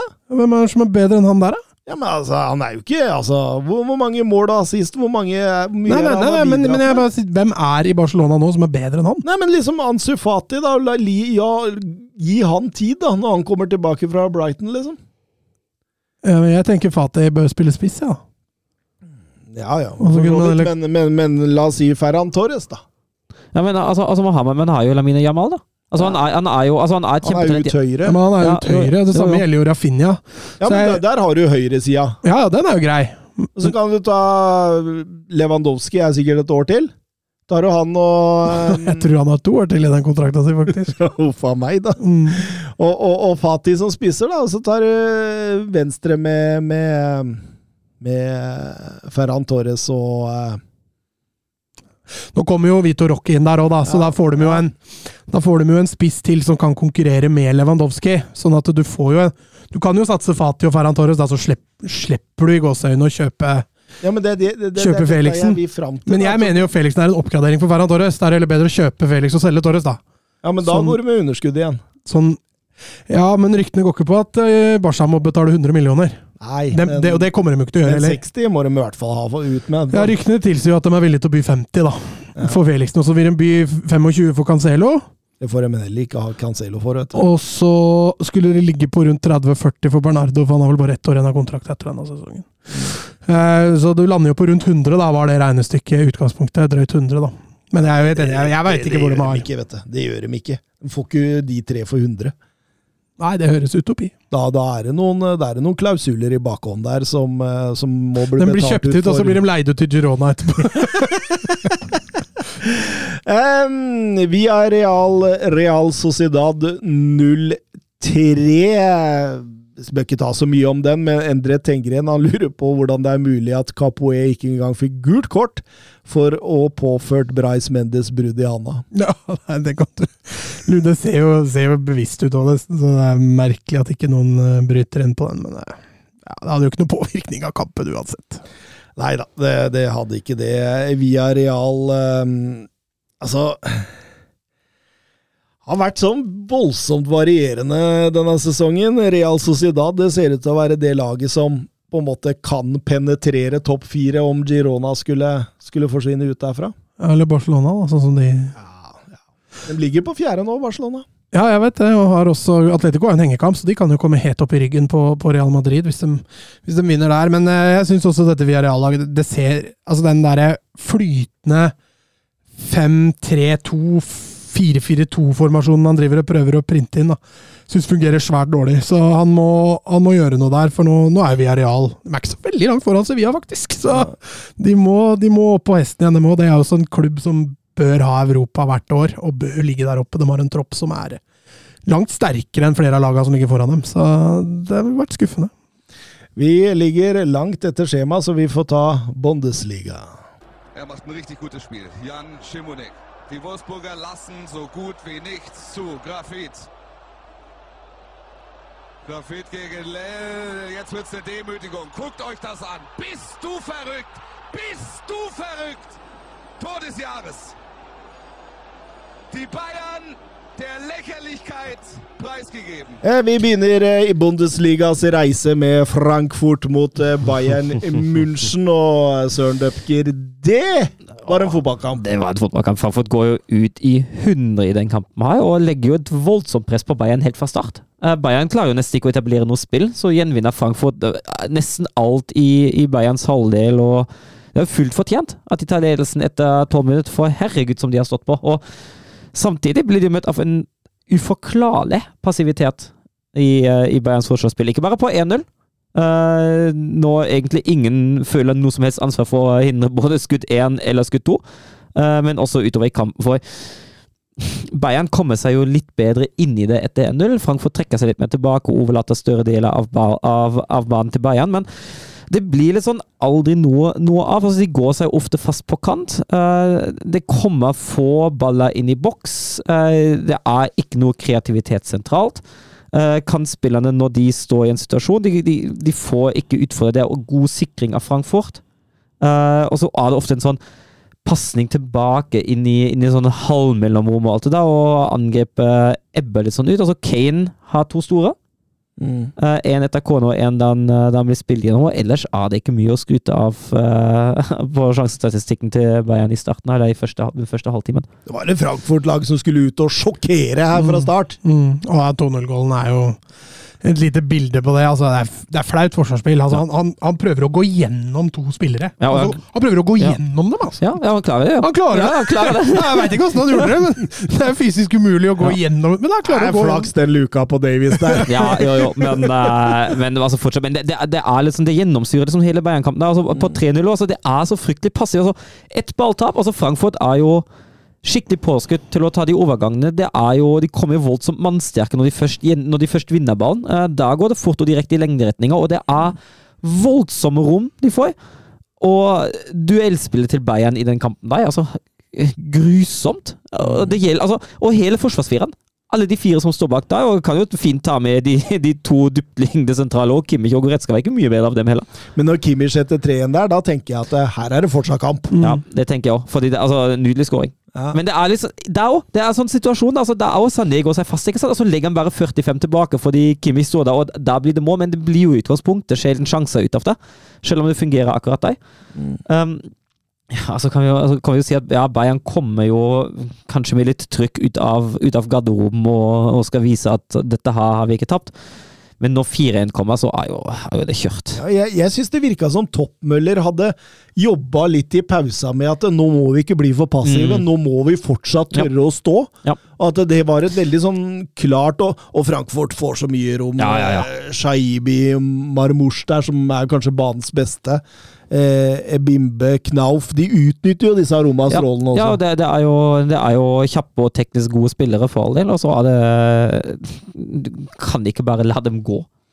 Nei, absolutt ikke. Nei, det er full, fullstendig kollaps av Bayern, eh, Bayern defensivt i den kampen her, altså. Ja, kommentatorene sier jo også det, at uh, Frankfurt vasker gulvet med, med, med Bayern. Så skal, så skal det sies da at Frankfurt har vært eh, fryktelig effektive òg. Altså, de har ikke brukt mye sjanser på de fem målene der, for all del, men uh, det, det skal jo ikke de lastes for. Jeg skal ikke ta vekk noe fra dem. Det er Fortsatt grusomt av Bayern. Vi hadde Knauf vært i offside på den uh, Og da hadde jeg blitt forbanna, hadde jeg gjort det vedtaket som ble gjort før der. Altså. Det er grusomt å komme inn og stjele den der. Men den kampen Marmors spiller Ah, ja, men Mors, han, han, har, altså, han, han, har jo, han har jo slitt litt med effektiviteten og målpoengene i Wolfsburg. Det har ofte sett fint ut, uten at det nødvendigvis har skjedd så voldsomt mye. som han har skåra litt og hatt litt assist og sånn. Uh, men nå har han jo blitt en, en målpoenggarantist i, i Frankfurt. Han er vel eh, lagets beste målskårer Uh, det, det, ser, det ser helt utrolig ut. Ja, ingen tvil. Og, og, og selv om det ikke skjer så mye den siste halvtimen, så er det jo et Frankfurt som er strålende fornøyd. Og etter 2000-skiftet har Bayern München kun tapt fire kamper i Bundesliga med fire måls margin. Ja, det var en i Frankfurt for, i, i 2018, var det vel. Da fikk Kovac fyken. Så det 2019. 2019 så var det den i Wolfsburg i 2009, da Wolfsburg vant 5-1. Uh, og den siste Å, herregud, da, må du, da tror jeg må du må hjelpe meg litt. Nei, jeg har ikke skrevet den okay, opp. Jeg det er greit. Nei, det, var, det var bare morsomt at det var Frankfurt som står for dobbelt av, eh, av dem. Og sist et lag skårte fem mål på den første timen mot Bayern München, slik Frankfurt gjør det nå. Det er lenge siden. Det var Frankfurt. Ja. I 1975. Ja, da vant de 6-0 til slutt. Det, så da skåra Fjørtoft, eller? 75! det er, det er Matte-Mats her igjen! Var kamp par 20 da, kan ikke det stemme? Eh, Fredrik Stjerna, eh, Bayern München slaktet De hadde i realiteten aldri noe sjans. Hvordan er dette mulig? Ja, det er et veldig godt spørsmål. Uh, fordi det virket som om altså, Tuchel var jo rimelig misfornøyd etter kampen òg. og nå var, var vel Freund var det vel, som var ute og kritiserte arbeidsinnstillingen til Bayern-spillere. Man kan jo man jo bifalle det, for de hadde, de hadde jo ikke noe kamp nå forrige helg. Uh, ifølge det jeg har lest i mediene, var Tuchel fornøyd med treningsuka. Uh, og den kollapsen der jo altså, Det ene er jo det offensive, så greit de kommer til noen sjanser, og det ser ikke bra ut, men det der fraværet av defensivt ansvar og det å stå litt imot Altså, det er liksom det som er så sjokkerende, at de, de står ikke imot. Det er litt sånn nesten om at de Som, som Mats sier, da, at ja, han går gjennom to. Det skjer bare, de bare glir Ja. gjennom. Det er, det er to midtstoppere her som overhodet ikke er på jobb. Nei. Ikke Minia ja og- Pamecano. Det det, det, er to ikke midtbane, det er to midtbanespillere. Ja.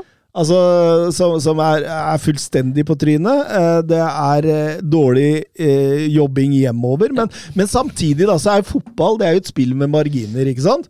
Eh, og Ofte marginer som, som, som avgjør. Og, og når Bimbe setter 2-0 eh, Det er jo i en periode Bayern begynner å ta fullstendig over. Kane har den store sjansen Ja, ja. der han blir spilt igjennom av Goretzka. Står det 1-1 der, på Så, den så blir det en helt annen kamp. så blir det en helt annen kamp. Og hvis man ser på XG-tallene, Bayern vinner den her faktisk på XG ut ifra det jeg leser, i hvert fall. Um, Men XG ljuger. ja, jeg, jeg, jeg syns ikke XG-en gjenspeiler den kampen har godt nok heller. Uh, jeg har ikke lyst til å bruke den som forklaring heller. Men, uh, men ja, det er klart. Altså, Frankfurt skåra på de riktige tidspunktene. Mm. Uh, det har vi. Det samme gjelder jo etter pausen. Hvis ikke Frankfurt skåra fem minutter etter pausen, men Bayern skåra 3-2 i den perioden, Ja. så er det kamp igjen, og da er det stor fare for at, uh, at det vipper i Bayerns retning. Og Sjopo Moting har vel en ganske stor en der eh, Mm. tidlig Ja, han har det. Han har det. Men, men samtidig, da. Altså Det er jo Det skal jo ikke være mulig for et gulljaktende Bayern-lag å kollapse såpass eh, defensivt, da. Jakob Hoff er eh, Tuchels jobb truet. Han leverer jo ikke godt nok. Jeg hørte på en Bayern München fanpodcast ja. tidligere i dag med tittelen 'Why does eh, Bayern Munich still keep eh, Thomas Tuchel?' Ja, såpass, ja. Det var tittelen eh, Ja. i den eh, meget seriøse supporterpodcasten Norsk? Bavarian et eller annet. Nei, det engelsk. Ellers så hadde det vært veldig rart å ha den Mm. tittelen, da. ja. Eh, jo, for så vidt. Enig. Nå spiller du deg sjøl smart, nå.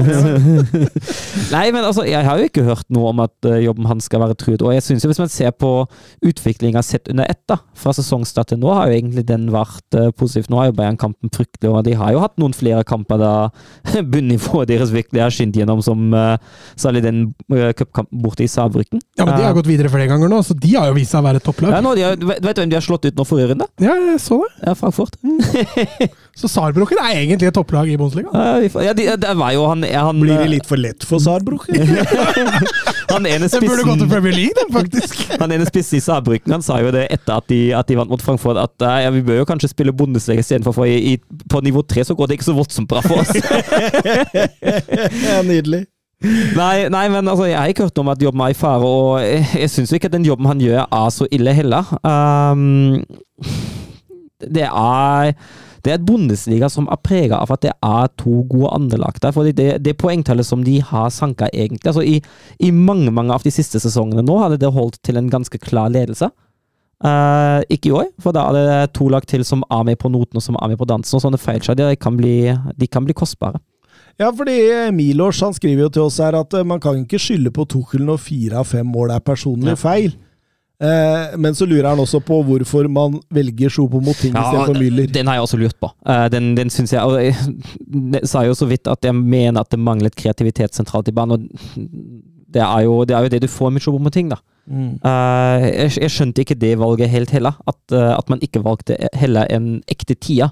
Det er veldig mange Bayern-managere som på en måte ikke har helt respektert Müller for den han er, føler jeg. Nei, men han, han er litt sånn på vei nedover nå, da. Ja, nå er han jo det, men Ja. jeg tenker jo også tidligere Ja, også. Det er, Kovac. Kovac, Kovac. Kovac hadde det jo med å, med å virkelig eh, Det var jo under Flikk igjen, han ja, var god. Ja, Ja, Han fikk jo knapt nok spille under Kovac, Ja. husker det. ja, og det var, det Da så fikk vi beskjed om at han var på vei ned. Og så var han ikke der likevel. Ja, men, men nå, nå ser det jo ut som at den er der for all del. Uh, og nå, nå, nå er det ikke så mye sytring fra, fra Mulla og hans kone heller, som jeg har fått med meg, i hvert fall. da. For under Kovac var det jo veldig mye sytring. at hun satt jo på tribunen og, og la ut på Instagram at hun var forbanna at ikke han fikk spille og alt det der. Uh, nå virker det mer som at de har, har respektert den rollen litt, men jeg syns likevel det er et, et rart valg å ikke bruke en tier i den kampen der, altså. Og Milors spør også om eh, hva han tenker om at Freund sier at i januar-vinduet blir ikke kjedelig, det kommer til å skje ting. Ja, det må det jo. Uh, særlig defensivt. Altså, I den kampen her, du er inne på det, midtstoppen er egentlig helt ute. Det hadde lønna seg i hvert fall bytte ut en av de til pause. Kan, altså, kanskje er det en av de som også trenger en pause. Men det er jo ingen andre å ta. Altså, Han kan jo ikke bare sette Goretzka og Masraoui på et stopperpar igjen, som han gjorde i cupen mot Munstad. Blir du redd, Mats, når eh, navnet Ronald Arajo Ja, jeg ser det er vel kraftig. De skulle hente den for enhver pris, så jeg. Så, men han har jo en utkjøpsklausul, han da. Så det er vel et par milliarder, så det er vel bare å punge ut det.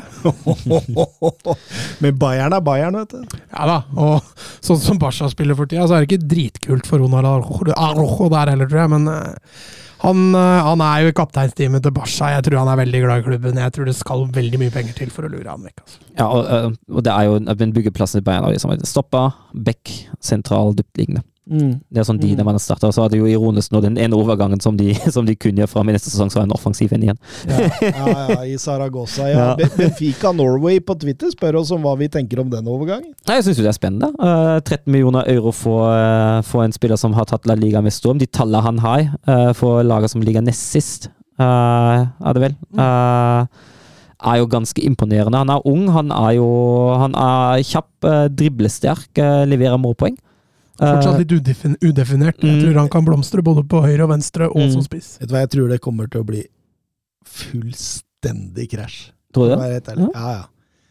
Jeg, han har vært god i kvarter, han har vært høyst variabel. Han har vært meget god i enkelte kamper, men, men, men når jeg ser hva han skal inn og konkurrere med, da Jo, jo, men om han får spilletid, Jo, men, det er jo, noe men det er det jeg mener, da. At det, både for han og for Bayern Jeg tror Men, men det er jo, altså, du har jo, du har jo Komo mye Mattis Tell, dette her. Ja, men det er jo ikke dumt det heller. Du har jo Komo, Gnabry og sånn, og så har du skapt deg noe i bredden. Og hvis den, hvis den utvikler seg godt nok, så har du en etterfølger som du kan, eh, kan få inn deg. Ja, men du, han må få spilletid, vet du.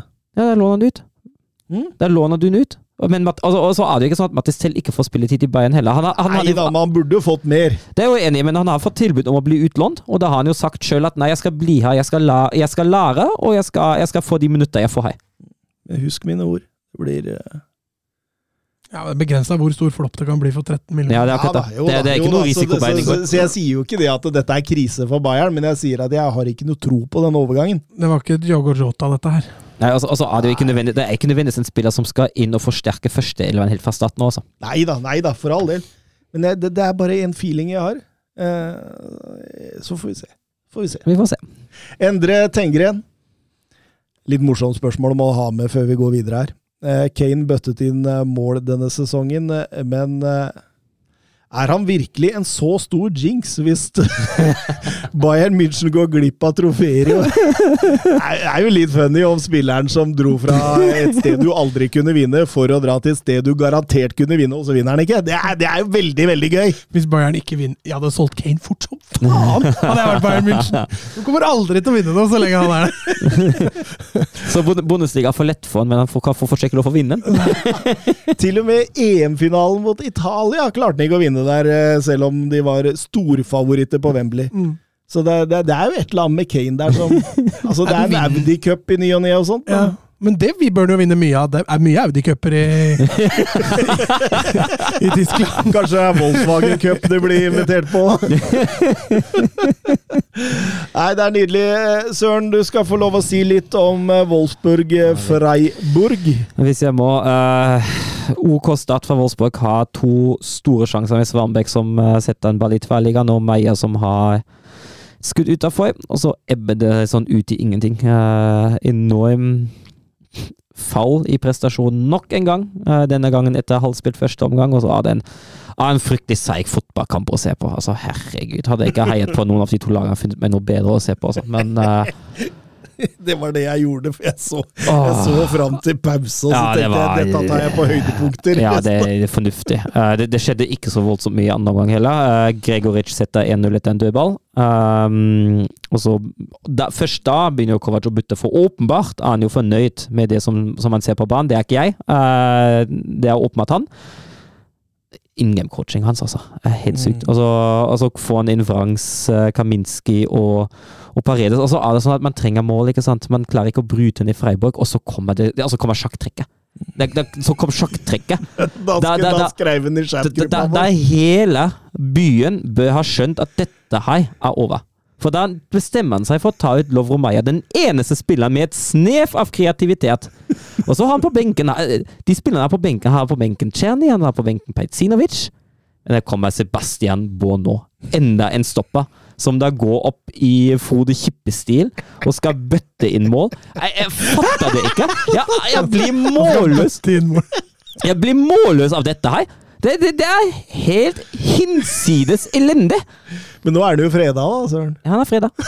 Masse sjefer gikk ut eh, rett etter kampen og sa nei, han sitter på benken mot Darmstadt. Og så er jeg pissrett nå for å tape den kampen, for da er det virkelig trøbbel og nedover. Så er jeg pissrett for å vinne nå. Så uavgjort er greia! Ja, og, og, så- og, og, tap, har vi jo Bayern i Det, For jeg- er altså- det hva man kaller en tap-tap-situasjon? Ja, det er, det er faktisk tap-tap. Det, det blir dårlig uansett. Altså, det er samme som, som i den cupkampen. Det tapte vi jo selvfølgelig òg, for all del. Uh, og så altså, skjønner jeg det ikke altså, Masse sjefer, overgangsvinduet hans har vært god, jeg har sagt det før. Men han er jo åpenbart ikke i stand til å lede en fotballklubb. Eh, han, han har vært som spiller òg. Han har jo vært gjennom noen formidable kriser som spiller i Wolfsburg. Han har vært der mange mange år, og det har jo vært noen nedrykksstrider gjennom åra. Og da sto han alltid da etter kamper, Uh, var jo etter hvert en av de mer erfarne, sto alltid etter kamper og, og finmalte situasjonen uh, i hvert eneste intervju han foretok seg. Og akkurat det samme gjør han som sportssjef. Altså, i alle dager! Jeg fatter ingenting. Og at, at man velger da å kjøre den sesongen i grøfta på den måten her, det, det, er helt sykt. Man har investert i den troppen før sesongen. Den, den troppen her Hvis man ser på spillermaterialet, at den troppen har den beste Wolfsburg har hatt på en god stund nå. Og så får han amatøren på sidelinja bare kjø, kjøre hele den vogna så i- til de grader i veggen. Amatør på sidelinja. Amøbe på sidelinja. Åh, jeg, jeg, jeg blir så forbanna, og jeg blir så oppgitt. Og akkurat nå er det så ekstremt lite gøy å være Vårsborg-supporter at jeg, jeg fatter det ikke. Ja, det skjønner jeg. Ikke kan vinne eller tape uten at det blir gærent. altså, nei, men altså Jeg, Det blir altså, mye gravøl av sånt. ja, og jeg, jeg, så, jeg, altså, jeg er seriøst rett for at hvis, hvis man klarer å altså Darmstadt er jo det laget i Bundesliga som kanskje nå sammen med Köln spiller dårligst fotball, og så kommer vi på tredje siste der, altså. Men de er så harmløse offensivt. Greit, nå skårer de to, to i, i Heidenheim, men det, det er det er så grått og trist og ukreativt det laget der, og så er jeg så redd for at man klarer å, klarer å vinne den kampen av sånn 1 eller 2-0, uh, på grunn av individuell kvalitet. Og at man da, etter at man taper sånn 4-5-0 hjemme mot Bayern, eh, si at nei, situasjonen er ikke så ille, vi fortsetter. Og det Det er så Bayern, liksom. ja, og det er så ambisjonsløst. Altså, den klubben her gikk, i, gikk inn i den sesongen med et klart mål om at dette her skal bli Europa. Uh, Europa er langt, langt unna. Uh, de nedre regionene nærmer seg. Det er ingen, virkelig ingen tegn til bedring når man ser på det spillmessige. Og Kovac er ikke en trener som har noe som helst å vise til i den klubben her. Det har ikke vært noe suksess. Han har kasta bort Europa mot et nedrykka G19-lag fra Herta i siste serierunde i fjor. Og jeg skjønner ikke den kreditten han åpenbart har i klubbledelsen. Jeg fatter det ikke. Og jeg, jeg blir frustrert og forbanna og lei meg. Ja, fordi vi snakka jo om at Kovac hadde et tak, men at den kjelleren var så mørk og, og, og våt og trist. Langt under bakken. Ja, men det er, jo, det er jo på det tidspunktet her, etter ett og et halvt år, at han fikk problemer i Monaco, han fikk problemer i Bayern. Eh, Det er jo det som har skjedd om og om, og om igjen. Eh, og og jeg, jeg- jeg skjønner ikke at det sitter folk i den ledelsen her som bedømmer dette her som godt nok, og vi fortsetter sånn. Jeg, jeg har null forståelse, for jeg skjønner ikke hvilke kamper de ser. Får håpe Vålerenga rykker ned neste helg òg, for da blir det jo litt artigere. Men Ja, det, altså, som sagt, neste, neste, helg Jeg, jeg, jeg veit nesten ikke hva jeg skal håpe på. Jeg aner ikke. Det blir feil uansett. En forvirra dupker der. Vi må videre Vi må videre til eh, toppkampen på Signal i Dona. Dortmund tar tak i kampen fra start. Mye Mhm. possession. Leipzig ned og, og spiller stort sett på overganger. Og så er det en overgang som på en måte setter eh, et karakterpunkt på hele kampen. da, og Bernt Olav Gjellegjerde Hansen han spør Går det an å forsvare det Hummels gjør, eller var det urutinert og idiotisk? Det må da være bedre å bare la Openda gå der, elleve minutter inn i kampen? Ja, helt enig. Eh, han, han pådrar seg jo Han, han uh, tar skritang som sistemann. Dommeren peker først på straffemerket, og så går VAR inn og ser at dette her var så vidt utafor. Og da blir det rødt for Hummels. Var det så vidt utafor? Ja. Konkluderte du Ja, med det òg? ja, jeg konkluderte med det. Jeg mener at den kontakten som feller han, er, er ca. 30 cm utafor. de har en sånn super slow-mo midtveis i første omgang der man ser det, ser det helt ok. Vanskelig å se, men, uh, men riktig avfyr som er tatt. og det hadde jo selvfølgelig vært bedre for Dortmund å få straffespark imot. Det hadde vært bedre for Dortmund å bare la han gå på mål. Uh, jeg skjønner jo også på en måte at Hummels ikke tenker sånn. At Hummels tenker at den her kan jeg rekke og satse alt. Men uh, Det ja, ser ut som han ikke prøver å ta ball der. jeg vet ikke. Jeg tror han bare fast, det, jeg det, tror, det er jo derfor han får det røde Jeg kortet jeg Nei, nei, nei, det, røde, det røde får han fordi det er utafor. Ja. Han Ja, jo, jo, men, men, men, men han, han hadde også fått det røde kortet hvis han hadde forsøkt å ta ballen. Nei, ja, det Ja, hadde han. ja. Uh, fordi det er den regelen utafor. Det, det er den dobbeltstraffen uh, i, innenfor 16-meteren. Ja, stemmer. Der, stemmer, den, stemmer. ble, den ble omgjort, Ja. men Der er det kun hvis, Men hvis dommeren hadde bedømt at den bare hogg den ned der, så hadde Ja. den fått rødt ja, kort det uansett. det. Mm. For da hadde han ikke prøvd å ta ball. Ja. Men sånn jeg ser det, så ser det ut som han bare sparker beina Jeg tror, jeg tror han, er bare, han er bare så seint ute at, uh, at det hjelpes, og så langt unna. Jeg, tror, jeg tror bare desperat forsøk, men jeg syns urutinert uh, beskriver det ganske godt her. Og det av en meget rutinert stopper. det Sette, sette laget i en fryktelig vanskelig situasjon, og det er jo en game changer i den kampen der. Mm. Ja, helt klart, for da, da setter jo RB Leipzig i gang eh, de, altså den, den bevegelsen de ofte har ut på bred bekk, Mm. inn på en åtter som kommer fra dypet, som slår inn 45 i boks, den ser du gang på gang Ja. på gang på gang, og Dortmund sliter mye med den. altså. Dortmund sliter mye med den. Dortmund sliter mye med at Leipzig nå har økt presshøyden eh, ganske voldsomt, og presser de helt fra start, og Dortmund får nesten ikke etablert noe spill. Eh, og så har Leipzig en del sjanser. De bør jo lede lenge før Benzebaini setter sjølmål etter en halvtime der. Ja, absolutt. Og så altså, altså, altså skjønner jeg ikke jeg skjønte, jeg skjønte ikke helt den inngangen til Leipzig heller, for vi, vi har jo snakka mye om Dortmund. Vi har sett at Dortmund sliter jo voldsomt når de blir satt under press. Når de presser de høyt, og samtidig stenger av de sentrale passingsveiene for dem, så er det så er det problematisk for dem. Eh, Jeg syns Leipzigs inngang var, var litt for forsiktig. Eh, og så Det samme skjer jo etter 1-0. Mm. At de bare faller av for å overlate mer av ballen til Dortmund. Selv om de er en mann mindre, da har Dortmund nok kvalitet i laget til å kunne skape noe. Ja, absolutt, og det gjør de jo til gangs også Ja. der. Altså Mot uh, pause der så er det jo bare ett lag på banen, og, og det kulminerer jo også med Niklas Sules fantastiske treff Ja. på, på, på 1-1 der. Eh, så, så jeg skjønner ikke helt Marco Rosso og, og hva han gjør her. Ja, åpenbart så har han en plan, og så, og så tenker han det at etter vi har gått opp til 1-0 der, så skal vi tilbake til den planen.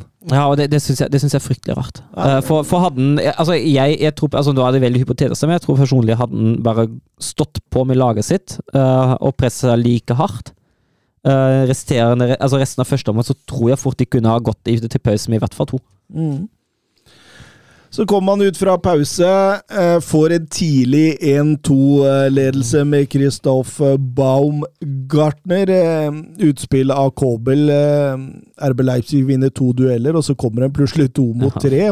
Det er, det er, det er Grunnen til at jeg vil beskrive dette målet så innlysende, da, er på grunn av at jeg har tidligere episode snakka om det å ta at Dortmund-stoppera litt ukritisk tar Mm. stega ut. Og det er jo akkurat det det skjer her, for her kommer Slåttebekk eh, to steg ut. Hadde han tatt ut dybde, så hadde ikke det blitt en sjanse i det hele tatt. Men han skal oppi og bryte den der, der og så taper han duellen. Og da kommer en angriper Leipzig i det rommet. Slåttebekk har forlatt. Altså, dette er sånn typisk Dortmund-stopperproblem. Og så gjør Syle akkurat det samme når, når de kommer ned på 16-meteren. ja. Så det, det, det er veldig Det der 1-2-målet her, det er liksom problemene til Dortmund på stoppeplass. Eh, og og en, en sånn hovedgrunn til at Dortmund har sluppet inn veldig mye mål. Mye av måla har kommet av dette her. Ja. det det, det, det må Terzic få justert litt, altså. Ja, det hadde jo ikke klart så langt, nei. Ikke i det hele tatt. Uh, og så slekker ikke Leipzig nå presset av med en gang, da. Uh, de holder seg litt lenge, men så ser det nesten ut som at de blir litt slitne. Altså, Rosan bytter jo hele den, eh, den frontlinja si etter 75, men Dortmund jobber seg litt mer tilbake i kampen, og det, det blir ikke så voldsomt mye farligheter heller, så man tror jo etter at Paulsen setter 3-1 etter en overgang og finter bort Slåttevegg. Jeg tror Ja, han, jeg tror jeg er på tribunen ennå, Ja, faktisk. det tror jeg òg. Herregud, Dobbel altså. grill med wiener! Dobbel grill med wiener. Du skal ikke ha noe lompe eller brød. Altså, du skal ha to pølser. Tre pølser, for det er dobbel, det er dobbel grill! Jeg skal ha Det er Slåttebekk som skal ha dem. Men Slåttebekk han tar dem bare i henda, han. Ketsjup og sennep på, og så bruker han handa som brød. Ja, nei, altså, altså da, da tenker man jo Ok, du ser det jo også bak mål, og folk begynner å reise seg og gå med en gang. For man tenker at dette, dette må jo være games in a match, men uh, det var det ikke helt heller likevel, da. Det var ikke det, for det kom en corner. Forferdelig forsvarsspill. Ja. Ja, ja, altså Fullkrygg av alle òg, som får lov å gå opp Ja. døden aleine på fem Ja, meter. Blasvik òg, da. Trenger ikke å komme ut av hele han. Nei, jo, jo, men det er på fem meter. Jo, jo, ja, men altså, nå, nå, altså han feilberegner jo han nå. Ja, det gjør han jo selvfølgelig. Ja, Den skal jo ut, men han feilberegner. Ja, det er enig. Det er enig. Uh, og, og da setter jo Dortmund i gang et, uh, et voldsomt angrepsløp de siste minuttene. Har jo, har jo muligheten til å utligne, og Leipzig mister jo all kontroll. Men uh, holder inn til slutt og vinner 3-2 i en jeg mener fryktelig rotete kamp fra Leipzig. Med en, uh, med en bedre gjennomføring og en bedre kampplan her, så trengte de ikke å bli på den måten, nei. Nei, helt, eh, helt eh, klart uh... Var ikke helt happy med tilleggstida der, Terzic, etter matchen. så Nei, men uh, ja. Union Berlin eh, vinner endelig eh, en kamp igjen. Uh, Bielica som eh, får sin eh, seier i sin Bundesliga-debut. Og gjør det litt i en sånn Ors Fischers eh, ånd. eh, overlater mye av spillet til München Gladbach, men kjører overganger. og og, og totalt sett en fortjent seier. Og så hadde man jo et storoppgjør mellom Stuttgart og Leverkosen, hvor egentlig Stuttgart imponerer voldsomt. Ja, Stuttgart, altså særlig første, første omgangen. Stuttgart er klart best. Leverkosen eh, dukker jo faktisk opp i en, eh, en 4-2-3-1 her. Mm. Uh, 4-4-2 mot ballen, uh, selv om Frimpong som høyrekant uh, går litt bak til tider og gjør en femmikser, så ser det ut som at Leverkosen sliter litt med den tilnærminga der. Stuttgart er gode i press og skaper en del sjanser i første omgang, uten at bare en av dem vi, vi Chris Furik bør lede med mer til pausen. Mm. Og så justerer jo Xavi Alonso uh, tilbake i pausen og til sin vante uh, 3-4-3. Uh, og Leverkosen får et overtak. Wirtz utligna. Eh, Leverkosen hadde noen flere sjanser, men A til syvende og sist kanskje litt heldig å ta med seg et poeng der, altså. Mm. Mm. Og så blir det jo voldsomt spennende for neste helg. Så er det jo, eh, så er det jo faktisk oppgjøret mellom, eh, mellom Stuttgart og Bayern i München. Oi, oi, oi, oi, oi, den blir gøy. Kasper Viktor Ruud Haaland han lurer på om eh, Stuttgart er en reell topp fire-kandidat nå, og, hvem av de antatte ender i så fall under? Ja, det er jo noen spørsmålstegn ved Stuttgart. Det er, altså, nå har jo Ondaf altså kommet voldsomt godt i gang, eh, sammen med Girasi. Eh, spiller jo litt sånn, litt sånn hengende bak, en litt, mer, litt annen link-up-rolle enn eh, Girasi, men jeg har jo begynt å skåre og levere, han òg. spørs om Girasi blir. Han har jo en ganske lav utkjøpsklausul. Så har Stuttgart potensielt fem spillere som skal til Afrika og AC-mesterskap, akkurat som Leverkosen nå. Uh, det kan jo bli voldsomt. Um, men samtidig ser der òg altså Det ser jo dønn solid ut, det, det Sebastian Hønes leverer i cupen nå. I, I midtuka var de også det klart beste laget mot Dortmund og vant fullt fortjent. Kastet dem Mm. ut av cupen. Uh, har levert uh, en har levert voldsomt imponerende kamper og resultater. For meg er de en reell topp fire-kandidat som de fremstår nå. Hvis ikke vinterpausen ødelegger litt for dem, hvis de kommer ut av vinteren i en samme driven, så er de der. Og da er det fort Dortmund som ryker ut, altså. Oi, oi. De har seks poeng ned til Dortmund nå. Ja, Dortmund har vært så ustabile. Ja. Uh, det, det er klart, hvis de skulle finne igjen fjorårsformen fra våren, da, så tror jeg det blir tøft for Stuttgart uansett. Men så er det litt som Søren sier, da. Hvem, hvis Gurasy drar, så da, da blir det et stort tomrom å fylle. Altså. Ja, det, det er som sagt det er noen spørsmålstegn, men eh, det ser, det ser bra ut. Og så kan man jo stille spørsmålstegn ved Leipzig òg, hvis Dortmund skulle innta seg. Altså, Leipzig har vært gode for alle, men det har ikke alltid vært uh, superstabilt, det heller. Så det er, jo, det er jo en av de to da, som, som skal ut av topp fire hvis Stuttgart holder seg der. Uh, og da anser jeg det som mer sannsynlig at Dortmund gjør det. Deilig, deilig. Vi må til Italia. che era il marcatore di Cannavaro. Palla tagliata, messa fuori, c'è Pirlo, Pirlo, Pirlo, ancora Pirlo di tacco, tiro,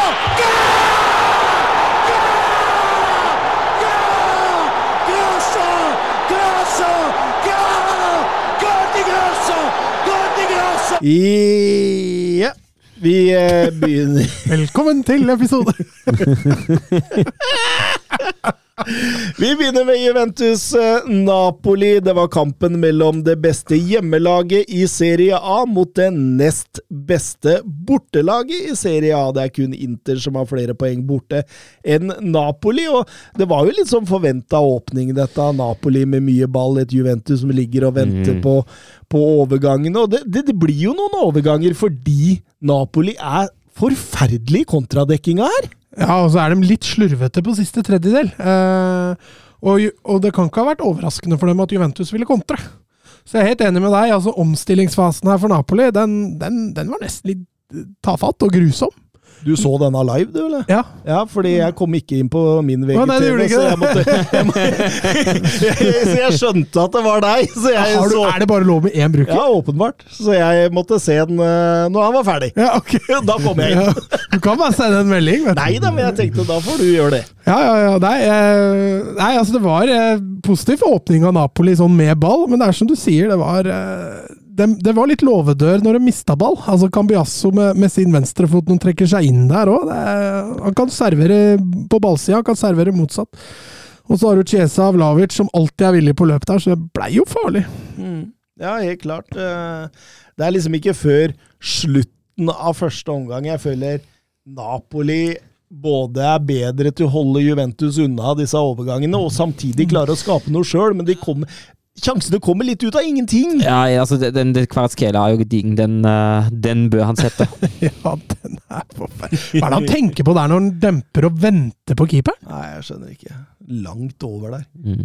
Eh, og, og Di Lorenzo også har jo en som han banker redd på Stensny rett etterpå, så, så, Ja, så men det, var, var ikke den offside? eh, Det hadde nok blitt målt, men han var vel ikke soleklar. Han hadde Nei, jeg blitt konkluderte ikke når jeg så den, i hvert fall. Nei, han har blitt målt, tror jeg, men det kunne gått begge veier, tror jeg. Men det er 0-0 inn til pause.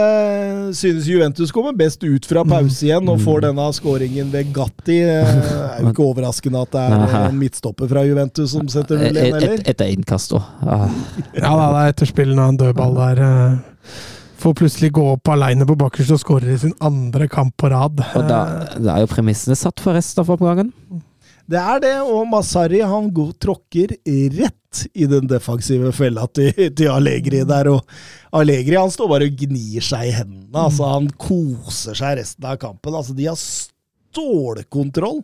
Eh, det, det, det, er vel, det er vel bare én, én mulighet for, for Napoli der. Det er når Stensny banker ballen i Poletano der. Og han eh, går rett i Oshimen, men han står i offside. Ja. Det blir jo mål, selvfølgelig, da, men eh, der har de flyt som gjør at Oshimen ikke har kommet seg ut. Men her ser man jo Juventus og hva de kan gjøre med deg også, da. Så, Mm. altså, det, det er jo bunnsolid når de vil. Altså, dette er jo ikke noe Når Mourinho parkerer bussen, så klarer vi likevel laga å så skape en to, tre, fire sjanser.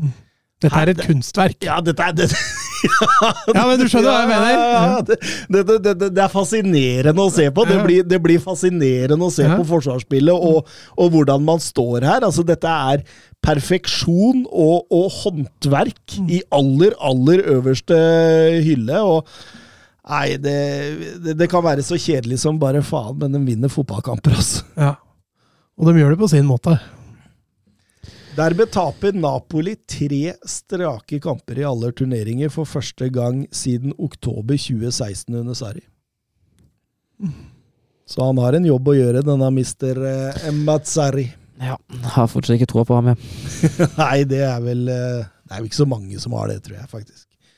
Eh, Atalanta AC Milan, det blei jo en veldig morsom fotballkamp. Ja, her var det tut og kjør fra ja, mest Atalanta, kanskje, men uh, Milan de også ville jo framover. Ademola Luckman var i, eh, var i god form. Ja, han var jævlig Han var motivert når han gikk ut på banen der, det var ingen tvil om. Og så får han selvfølgelig god hjelp, eh, Coop Miners, som er eh, pådragsgiveren ofte når de skal framover. Pasalic strålende igjen på midtbaneleddet, og så er det Kettelære Altså, den bommen han har, den er jo ellevill, men eh, han legger opp og legger opp og legger opp resten av matchen, så han, han gjør jo gjør seg jo på en måte godt igjen, da. Eh, spiller jo mot egentlig lagkompisene sine her. Så det er mulig jeg bommer med vilje og tenker at her vil jeg heller assistere. Jeg syns Gasperini viser Pioli her. At sånn bruker man det katalære. Ja, ja. Eh, Altså, inn i mellomrommet, inn og kose seg. Altså, han, er, han er jo en litt sånn Kai Havertz-ish. Mm. Og, og eh, jeg, syns han bruker den helt korrekt her, eh, som en sånn fri tier sånn rundt Luckman. Eh, kombinasjonsspiller, eh, en som ligger og lusker i romma. Eh, strålende, rett og slett. Og det, det, det, det, viser jo egentlig Altså pisser litt på Pioli når, når det katelære gjør det så bra mot AC Milan her. Nå er han nok også ekstra motivert da, i den kampen her, det skal vel også nevnes, for De Catelara har ikke vært så bra i veldig mange kamper i år heller, men jeg er helt enig med deg. Her, her, får, jo, her får vi jo se han fra tida han var god i Klubb Brygge. Han er liksom ikke den, spyd, han er ikke den enslige spissen-typen. Sånn som han ofte ble brukt i Milan. og det, Når han får en til rundt seg, så han kan operere litt dypere, så er han jo mye bedre med en gang. Men selv om Luckman setter 1-0, så svarer eh, Giro før pause. Hans åttende mål i 2023 på hodet. Det er bare én spiller Ronaldo. som kan matche like mange i 2023 i topp fem-ligaene på hodet. Og hvem er det? Kane. Ja Den var, den var. Nei, men skåringer er bare å si Kane hver gang. Han, han er jo skåret mange flere enn alle andre. Han spiller jo en mye enklere liga òg. Ja, han gjør det. Han spiller jo egentlig en liga som er dårligere. Ja, men 2023, da har han jo spilt i en vanskelig liga òg. Begge to. Jeg er for lett for ham, eller for lett for ham uansett, da. Men jeg syns Atalanta kommer bra ut fra pause. De er gode på ball, spiller tidvis Milan dype. Det er ingen tvil om at Gasperini har gått inn i pausa der og sagt vi kjører, vi presser Milan, vi, vi eh, utfordrer dem på svakhetene deres. Og, og det er jo flott angrep, mange trekk eh, når, eh, når Luckman setter 2-1 der, eh, ut på det katelære som legger flatt inn foran mål. og Ingen fanger opp Luckman som kan spasere inn eh, 2-1 fra fem meter, og da Da, da Nei, da ser det ut til å gå Atalanta sin vei. De har annet en enorm trippelsjanse der. Manja som er het spellemann på, på strek der. Ja, får litt hjelp òg, men ja, han har to elleville redninger først. Før en god gammel kjenning i Luka Jovic setter 2-2, og så tenker man at det, ja, ja, da fikk Milan med seg et poeng, da, men Ja, de, lø- Han løper rett inn og henta ballen, så når du ser sånn i ettertid, så var kanskje det litt dumt. Ja, for han var veldig gira på 2-3 der. Ja, de skulle ha seiersmålet, og det, det kom jo langt inn på overtid. Men jeg syns jo, synes jo tankegangen er riktig. Ja ja, for all del, med sånn etterpåklokskapens Ja, ja. navn. Men, men 2-2 borte i Bergamo, det er ikke det verste resultatet du kan få heller, altså. Så det, Nei, men samtidig men, jeg, men jeg liker tanken. jeg liker det. opp- Altså, fint å være offensiv, og særlig, særlig når du skal opp og fram og oppover på tabellen. Men har ikke Gasperini gjort noe godt før, så gjør han det igjen. For han bytter angrepsduo. Ut med De Catelære, inn med Luckman, inn med, ut med Luckman, mener jeg. Inn med Miranchuk og Muriel. Mm. Og det er jo akkurat de to som gjør at Claes Grønlin skriver til oss 'beskriv Muriels mål på 90 minutter vis'. Ja, altså, nei, det er, det er harmoni og flyt og kreativitet og, og god timing. Eh, Det ser så estetisk bra ut. Mm. Og det som, det som kanskje er mest fascinerende med den goalen, er at han vrir ikke kroppen sin noe særlig. Nei? For han hæler jo inn sånn sidelengs hæl, som er egentlig ganske lett å utføre. Men du må vri kroppen! Ja. Men da ser det ut som han bare løper rett fram og bare Det er så fysisk umulig, Ja. det han gjør. Det ser nesten litt sånn ut. Men det er estetisk vakkert utført, og, og, og får den også helt inn i lengste hjørnet der. Det er jo nydelig, kreat, ekstremt kreativt. Fryktelig artig når det går. Jeg tror jeg hadde vært litt forbanna hvis han hadde bomma og jeg hadde vært eh, trener da også. Ja, ja. Muriel har jo en hoftekam der som Altså, det må jo være som skapt for å spille erotiske tyske filmer på 80-tallet. Var det mye gode hoftekammer i, på 80-tallet i Tyskland? Når er det du er født, Søren? 1990?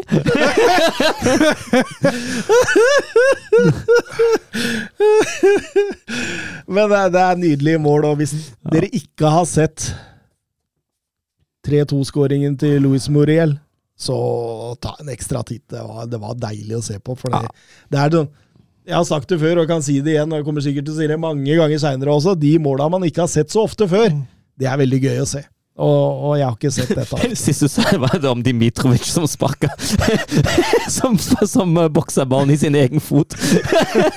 Jo, men det finnes mange, mange av den typen som du skal fram til der. Det finnes mange forskjellige typer mål du ikke har sett før. Jeg synes det var fin den til Hamburg i forrige helg. òg. Ja, den, ja det er sånn mål du Har ikke sett det så mye før. Eh, Inter Odinese eh, Inter styrer jo voldsomt fra start. Odinese ligger jo bare og, og tar imot og stenger. For. Det er ikke så voldsomt mange sjanser, da. Eh, Du har den headinga til Otaro i stolpen etter tid. Men utover det sliter Inter litt med å, med å bryte ned det der forsvarsmyrverket som Odinese vært opp med. Fram til de får en, eh, en boks åpna etter litt over en halvtime. Ja, det, det smeller jo på rekke og rad der. Det tar jo eh, Er det seks minutter mellom Shananoglos Shananoglus 1-0-mål på straffe til Markus Tyram eh, setter inn eh, i det 43. minutt. og Rett etter der også så kunne jo Lautaro Martinez satt 4-0. Er- det- De, de bare scorer på alt de har plutselig i den periode der, og Odinese går skikkelig opp i oppløsning. Opp i oppløsning. Jeg vet ikke det. Et, oh, ja. Og heter ikke å, gå, å Gå opp i liminga. De, Gå opp Ja, i men det er jo et oppløsning. annet. gå, Gå i oppløsning? Gå i oppløsning, ja. det? ja. gå i utløsning. Ja. ja, da går det ikke opp. Det skjønner jeg jo. um, Inter eh, Ja, hva kan du si? Det kontrollerte annen omgang. Martinez eh, fastsetter 4-0 eh, rett før slutt der. og Ingen har skåret mer mål i, for Inter i et kalenderår etter årtusenskiftet enn Lautaro Martinez, hans 28. i eh, kalenderåret 2023. Det er det likevel likt med Militao fra 2012 og Christian Vieri fra 2001. Har et par kamper til da, på Tare. Mm. Han har det, så han kan uh, gå opp der. Uh, Lazio fortsetter å skuffe 1-1 borte mot Hellas Verona, mens uh, Roma spiller 1-1 mot Fiorentina og har kanskje litt tur. De avslutter kampen med ni mann. Mm. Ja. For to røde kort der. eh. Både Zalewski og Lukaku. Jeg syns ikke den til Lukaku var all verdens, altså. Den var streng, men Han får høre av Mourinho etterpå. Så det, Det- det tror jeg ikke du skal være redd for. altså. det gjør han. Eh, vi har dårlig tid, vi går over til eh, liga. sur la frappe de Messi de, de Mercado, Mercado, oui. Mercado, et, et là aussi on a un petit peu de réussite. Griezmann sur l'appui, c'était bien joué avec Giroud. Oh, Dan, Sylvain Dan. Oh, Sylvain, il l'a vu. Oui. Kylian Mbappé.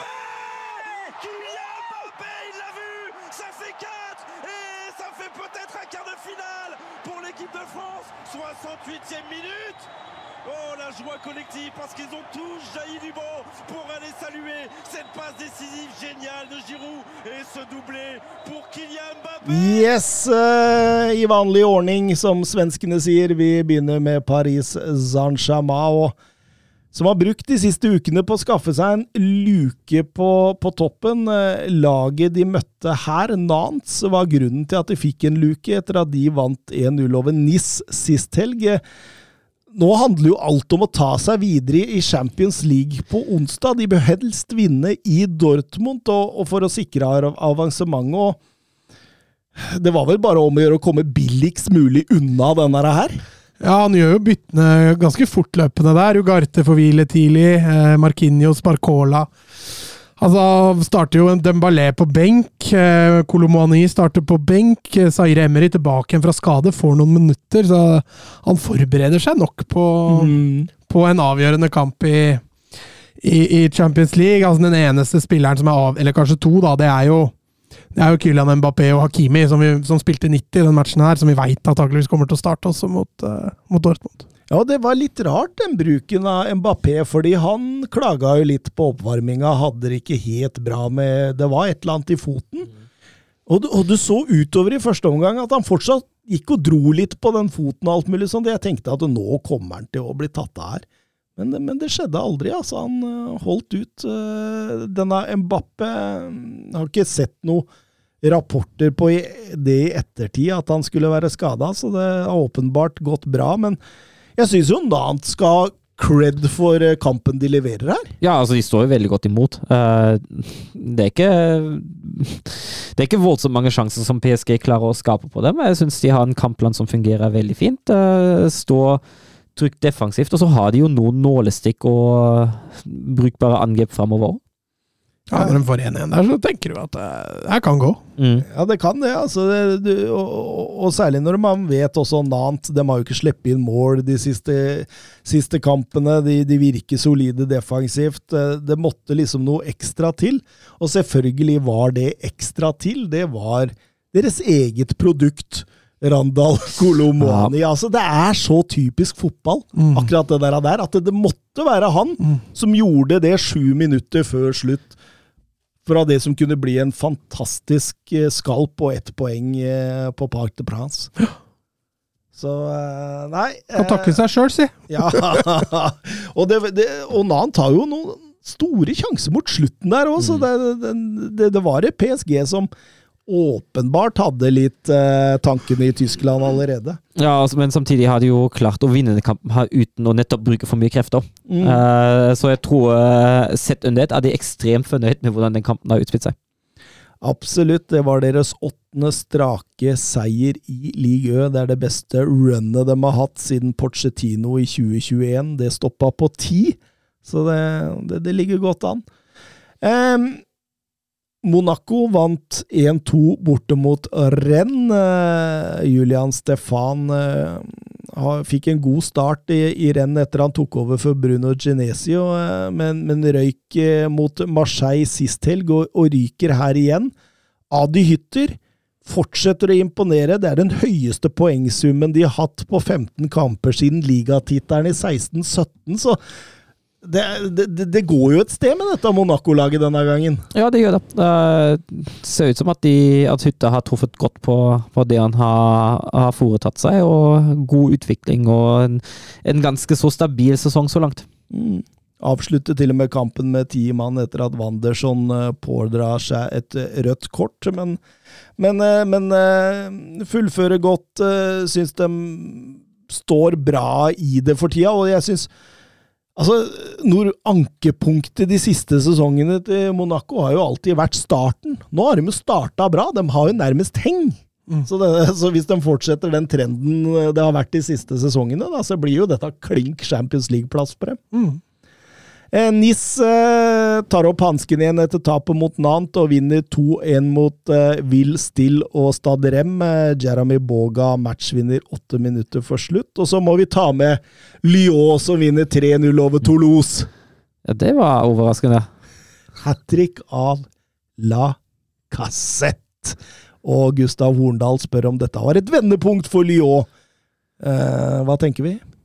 det, Nå har jeg jo ikke sett en kamp, så det er så vanskelig å si. Um, det kan gi ny energi uh, å, vinne, å vinne en fotballkamp, og særlig etter et trenerbytte også.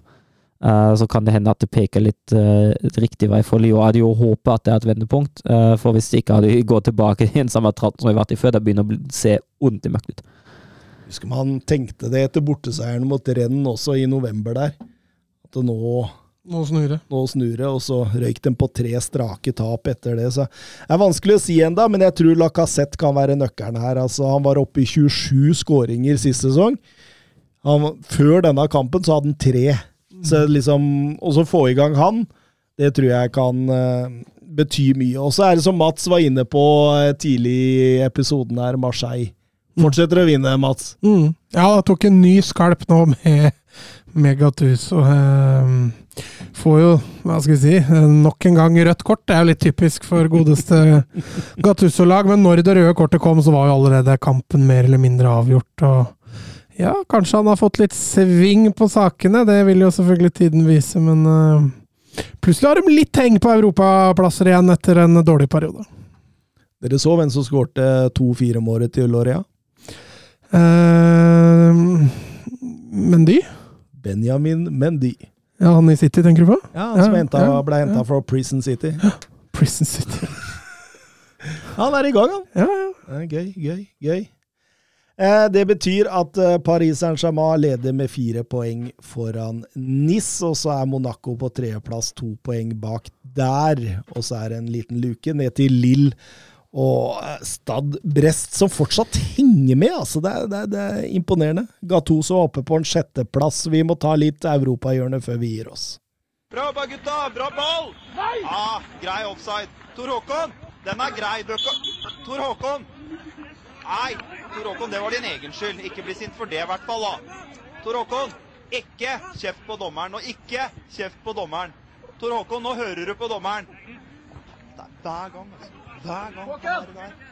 Yes! Jeg veit ikke, Søren. Vil du begynne med noe Ajax? Kan, kan jo det. Kan jo kjapt begynne. Ajax hadde hjemmekamp mot eh, Sparta fra Rotterdam. eh, og var det klart beste laget. Uh, leda tidlig 1-0 eh, ved Brian Bobby. Steven Bjerkveien setter 2-0 på straffespark før pause. Uh, Negli ti minutter et, inn i andre omgang, så er det 2-1. Men det er en kamp som Ajax vinner fullt fortjent 2-1 til slutt. Um, har nå 24 poeng etter 15 kamper, og er oppe på femteplass.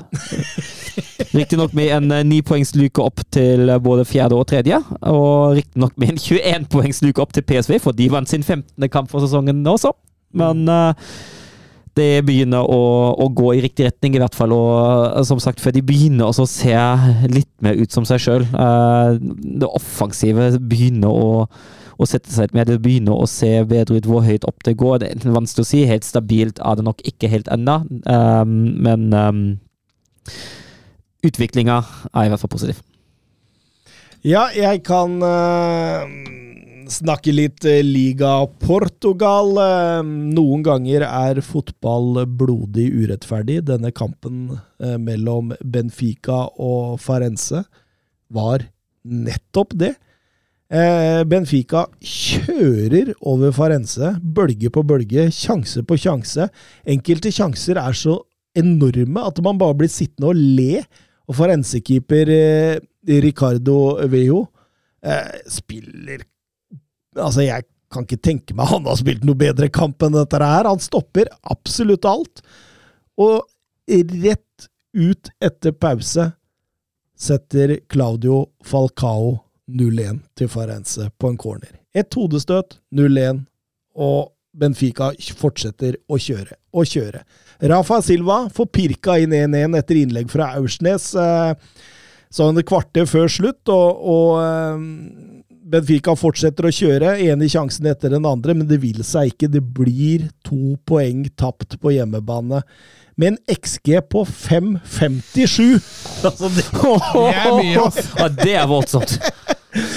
mot Farenses 0,45, så det sier det aller, aller meste. Da tror jeg mange av sjansene der ikke ble beregna i XG-statistikken også, altså for det var mye sånn som glei gjennom feltet og aldri blei eh, Altså, det er helt vilt at de klarer å tape poeng der.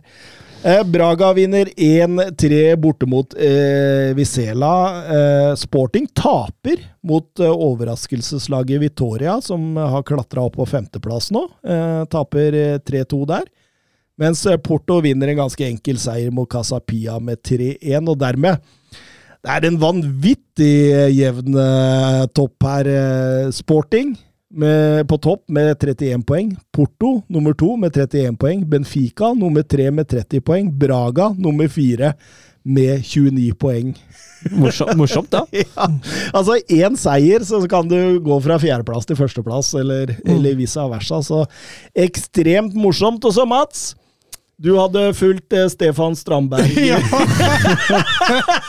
Apropos landslagsaktuelle spillere, så tenkte jeg det var litt artig å følge Stefan Strandberg eh, den runden her, og det, det gikk kjempebra. Han spilte seg rett inn i varmen. Eh, han, eh, han, han var strålende i, i 2-0-tapet borte mot hjemme mot eh, Kristiansund, og Nei, vet du hva, han Altså, jeg koste meg. altså Misforstå meg, men å være lagkompisen hans det, i en sånn situasjon altså For all del, å ha en kaptein som kjefter på deg og sånn, men du må, du må Du må vite publikummet ditt, da. Mm. Du kan ikke stå og kjefte på en som har gjort feil på feil på feil. på feil. Du, du gjør ikke han bedre. Og måten han avslutter kampen på med å gå rett i bilen uten å la seg intervjue og Nei, det var eh, Nei, han, han er lenger unna landslaget, landslaget nå enn det han var i går, i hvert fall. Vi får, håpe, vi får håpe virkelig det, altså. Vi har aldri i vår eh, ja, 225. episode så har vi aldri tidligere fått så mange spørsmål vedrørende én sak som vi fikk denne gangen. Altså, det flomma inn med spørsmål. Nydelige spørsmål. Anders Hansen, Kim Jansen, eh, Stensrud var på, Sagheim, eh, Nisselue på. Altså, det er så mye, så vi må bare liksom eh, Vi må bare ta dette inn over oss, men Først så kan jo altså Kim Jansen har en drøm, og det er å la Søren få et minutt eller to på fri utfoldelse om Vålerenga. Ja. Uh, alle, alle, alle våre lyttere som heier på Vålerenga, bør kanskje ikke høre på dette. her. Bekla Slå av, bek- slå av, beklager på forhånd nå, men herregud som jeg koser meg. Jeg var på den kampen i går sjøl. Um, Selvfølgelig var du det. uh, er jo liksom det eneste som går nå. og Jeg digger jo å se fotball på stadion. Sammen med Anders Hansen, Hans Boe og, og et par andre. Uh, veldig trivelig. Jeg gikk jo på kampen med null håp. Jeg regnet med det var sånn ja, 0-0, 1-1, 1-0. Ja, for jeg sa det til deg, at jeg blir med hvis Kristiansund kommer fra hjemmeoppgjøret Mm. med et godt resultat, og det kan bli spennende. Så skal jeg bli med deg, sa jeg. Ja, jeg hadde, jeg hadde null håp. Jeg satte meg på langsida og tenkte ja ja, får i hvert fall en fotballkamp, liksom. Men uh, det ble jo en fantastisk opplevelse. Uh, og altså, jeg, jeg tror aldri min selvdisiplin har blitt utsatt for en så utfordrende situasjon som å stå på langsida på en tilletid, se den siste straffen til Kristiansen gå i mål, og ikke begynne å juble hemningsløst. For herregud, det hadde gått.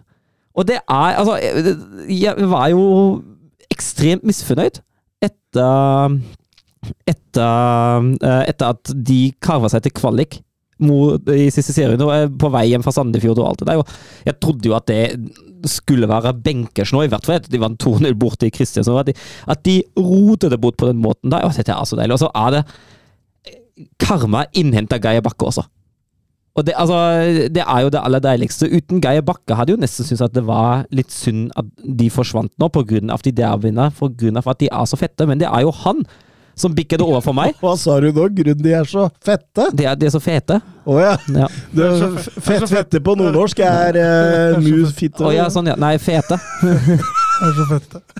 Nei, men, men det er jo han som egentlig sørger for at jeg har vært veldig for å få Vålerenga ned i år.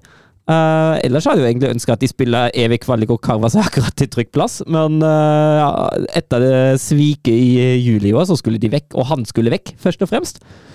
Og det, det, er, det er bare så nydelig. Det er Altså, jeg, jeg har Jeg tror det, det er en helt ny definisjon av schadenfreude og skadefryd og hva det nå er. Det føles i hvert fall ekstremt godt. Og, og Twitter i går Twitter i går, det var et nydelig sted. Å, jeg koste meg på Twitter i går kveld. Det var helt fantastisk.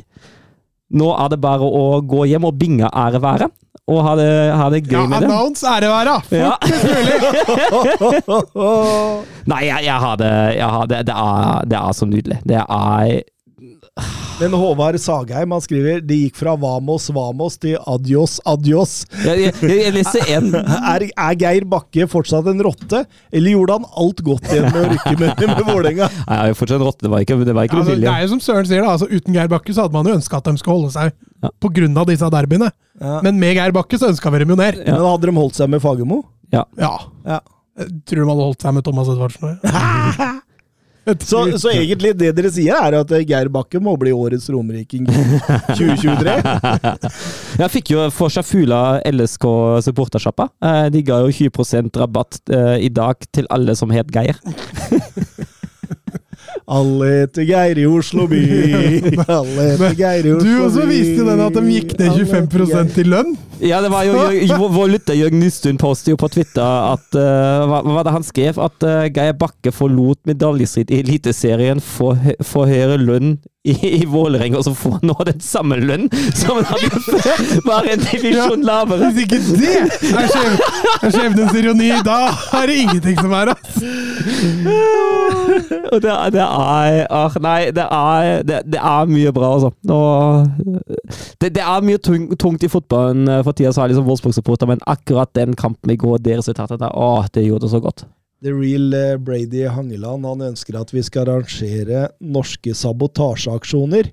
Tungtvannsaksjonen, Osvald-gruppen i 1943 og Geir Bakke i Vålerenga. Ja, for han var undercover. Det er det han skal fram til. Ja, Nei, det er jo det siste man husker best, da. Du husker ikke så mye av tungtvann? Jeg husker ikke så mye av tungtvann. Eh, Da var jeg ikke gamle karen. Eh, nydelig, nydelig. Men nisselue på. Vi må ta fra han her også. Eh, viktig, viktig. Eh, jeg syns han er litt inne på det. Vi har snakka litt om Strandberg, men kapteinen og den mest rutinerte spilleren la bl.a. 19 år gamle Risnes stå og svare på kritiske spørsmål etter nedrykket, og så stikker han av gårde sjøl som kaptein. Norsk landslagsspiller, 33 år.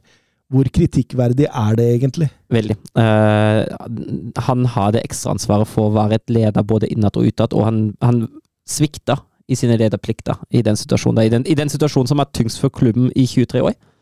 Uh, det, er, det er helt ubegripelig at han gjør det der, uh, syns jeg. Uh, det er en kaptein uverdig.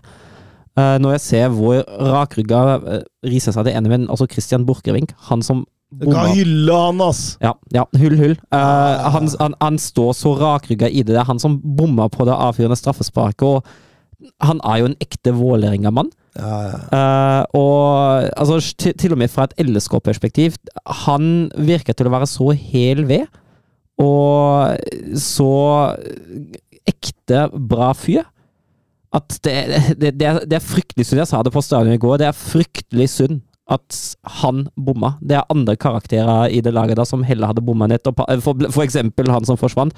Eh, resultatet er jo fint, men at akkurat var Borchgrevink som bomma, det er synd. Det jeg syns synd på ham.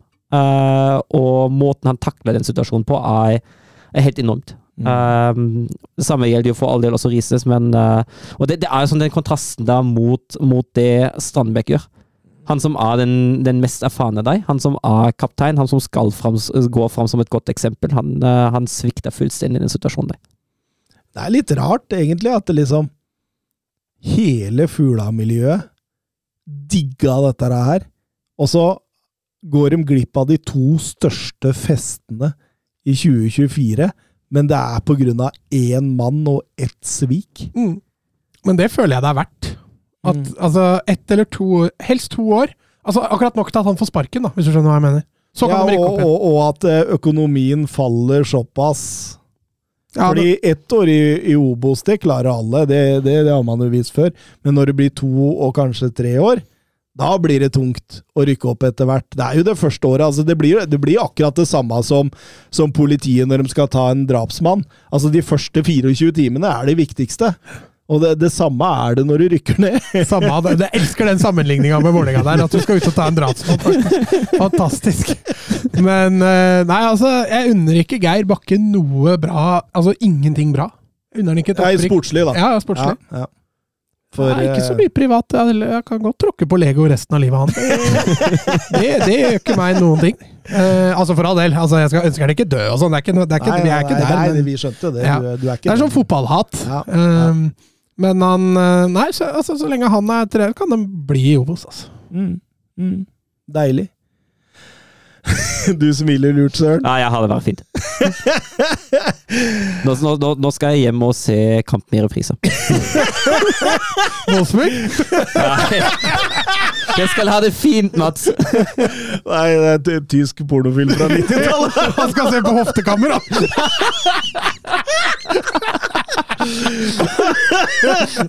Ah, ha det bra! Messi.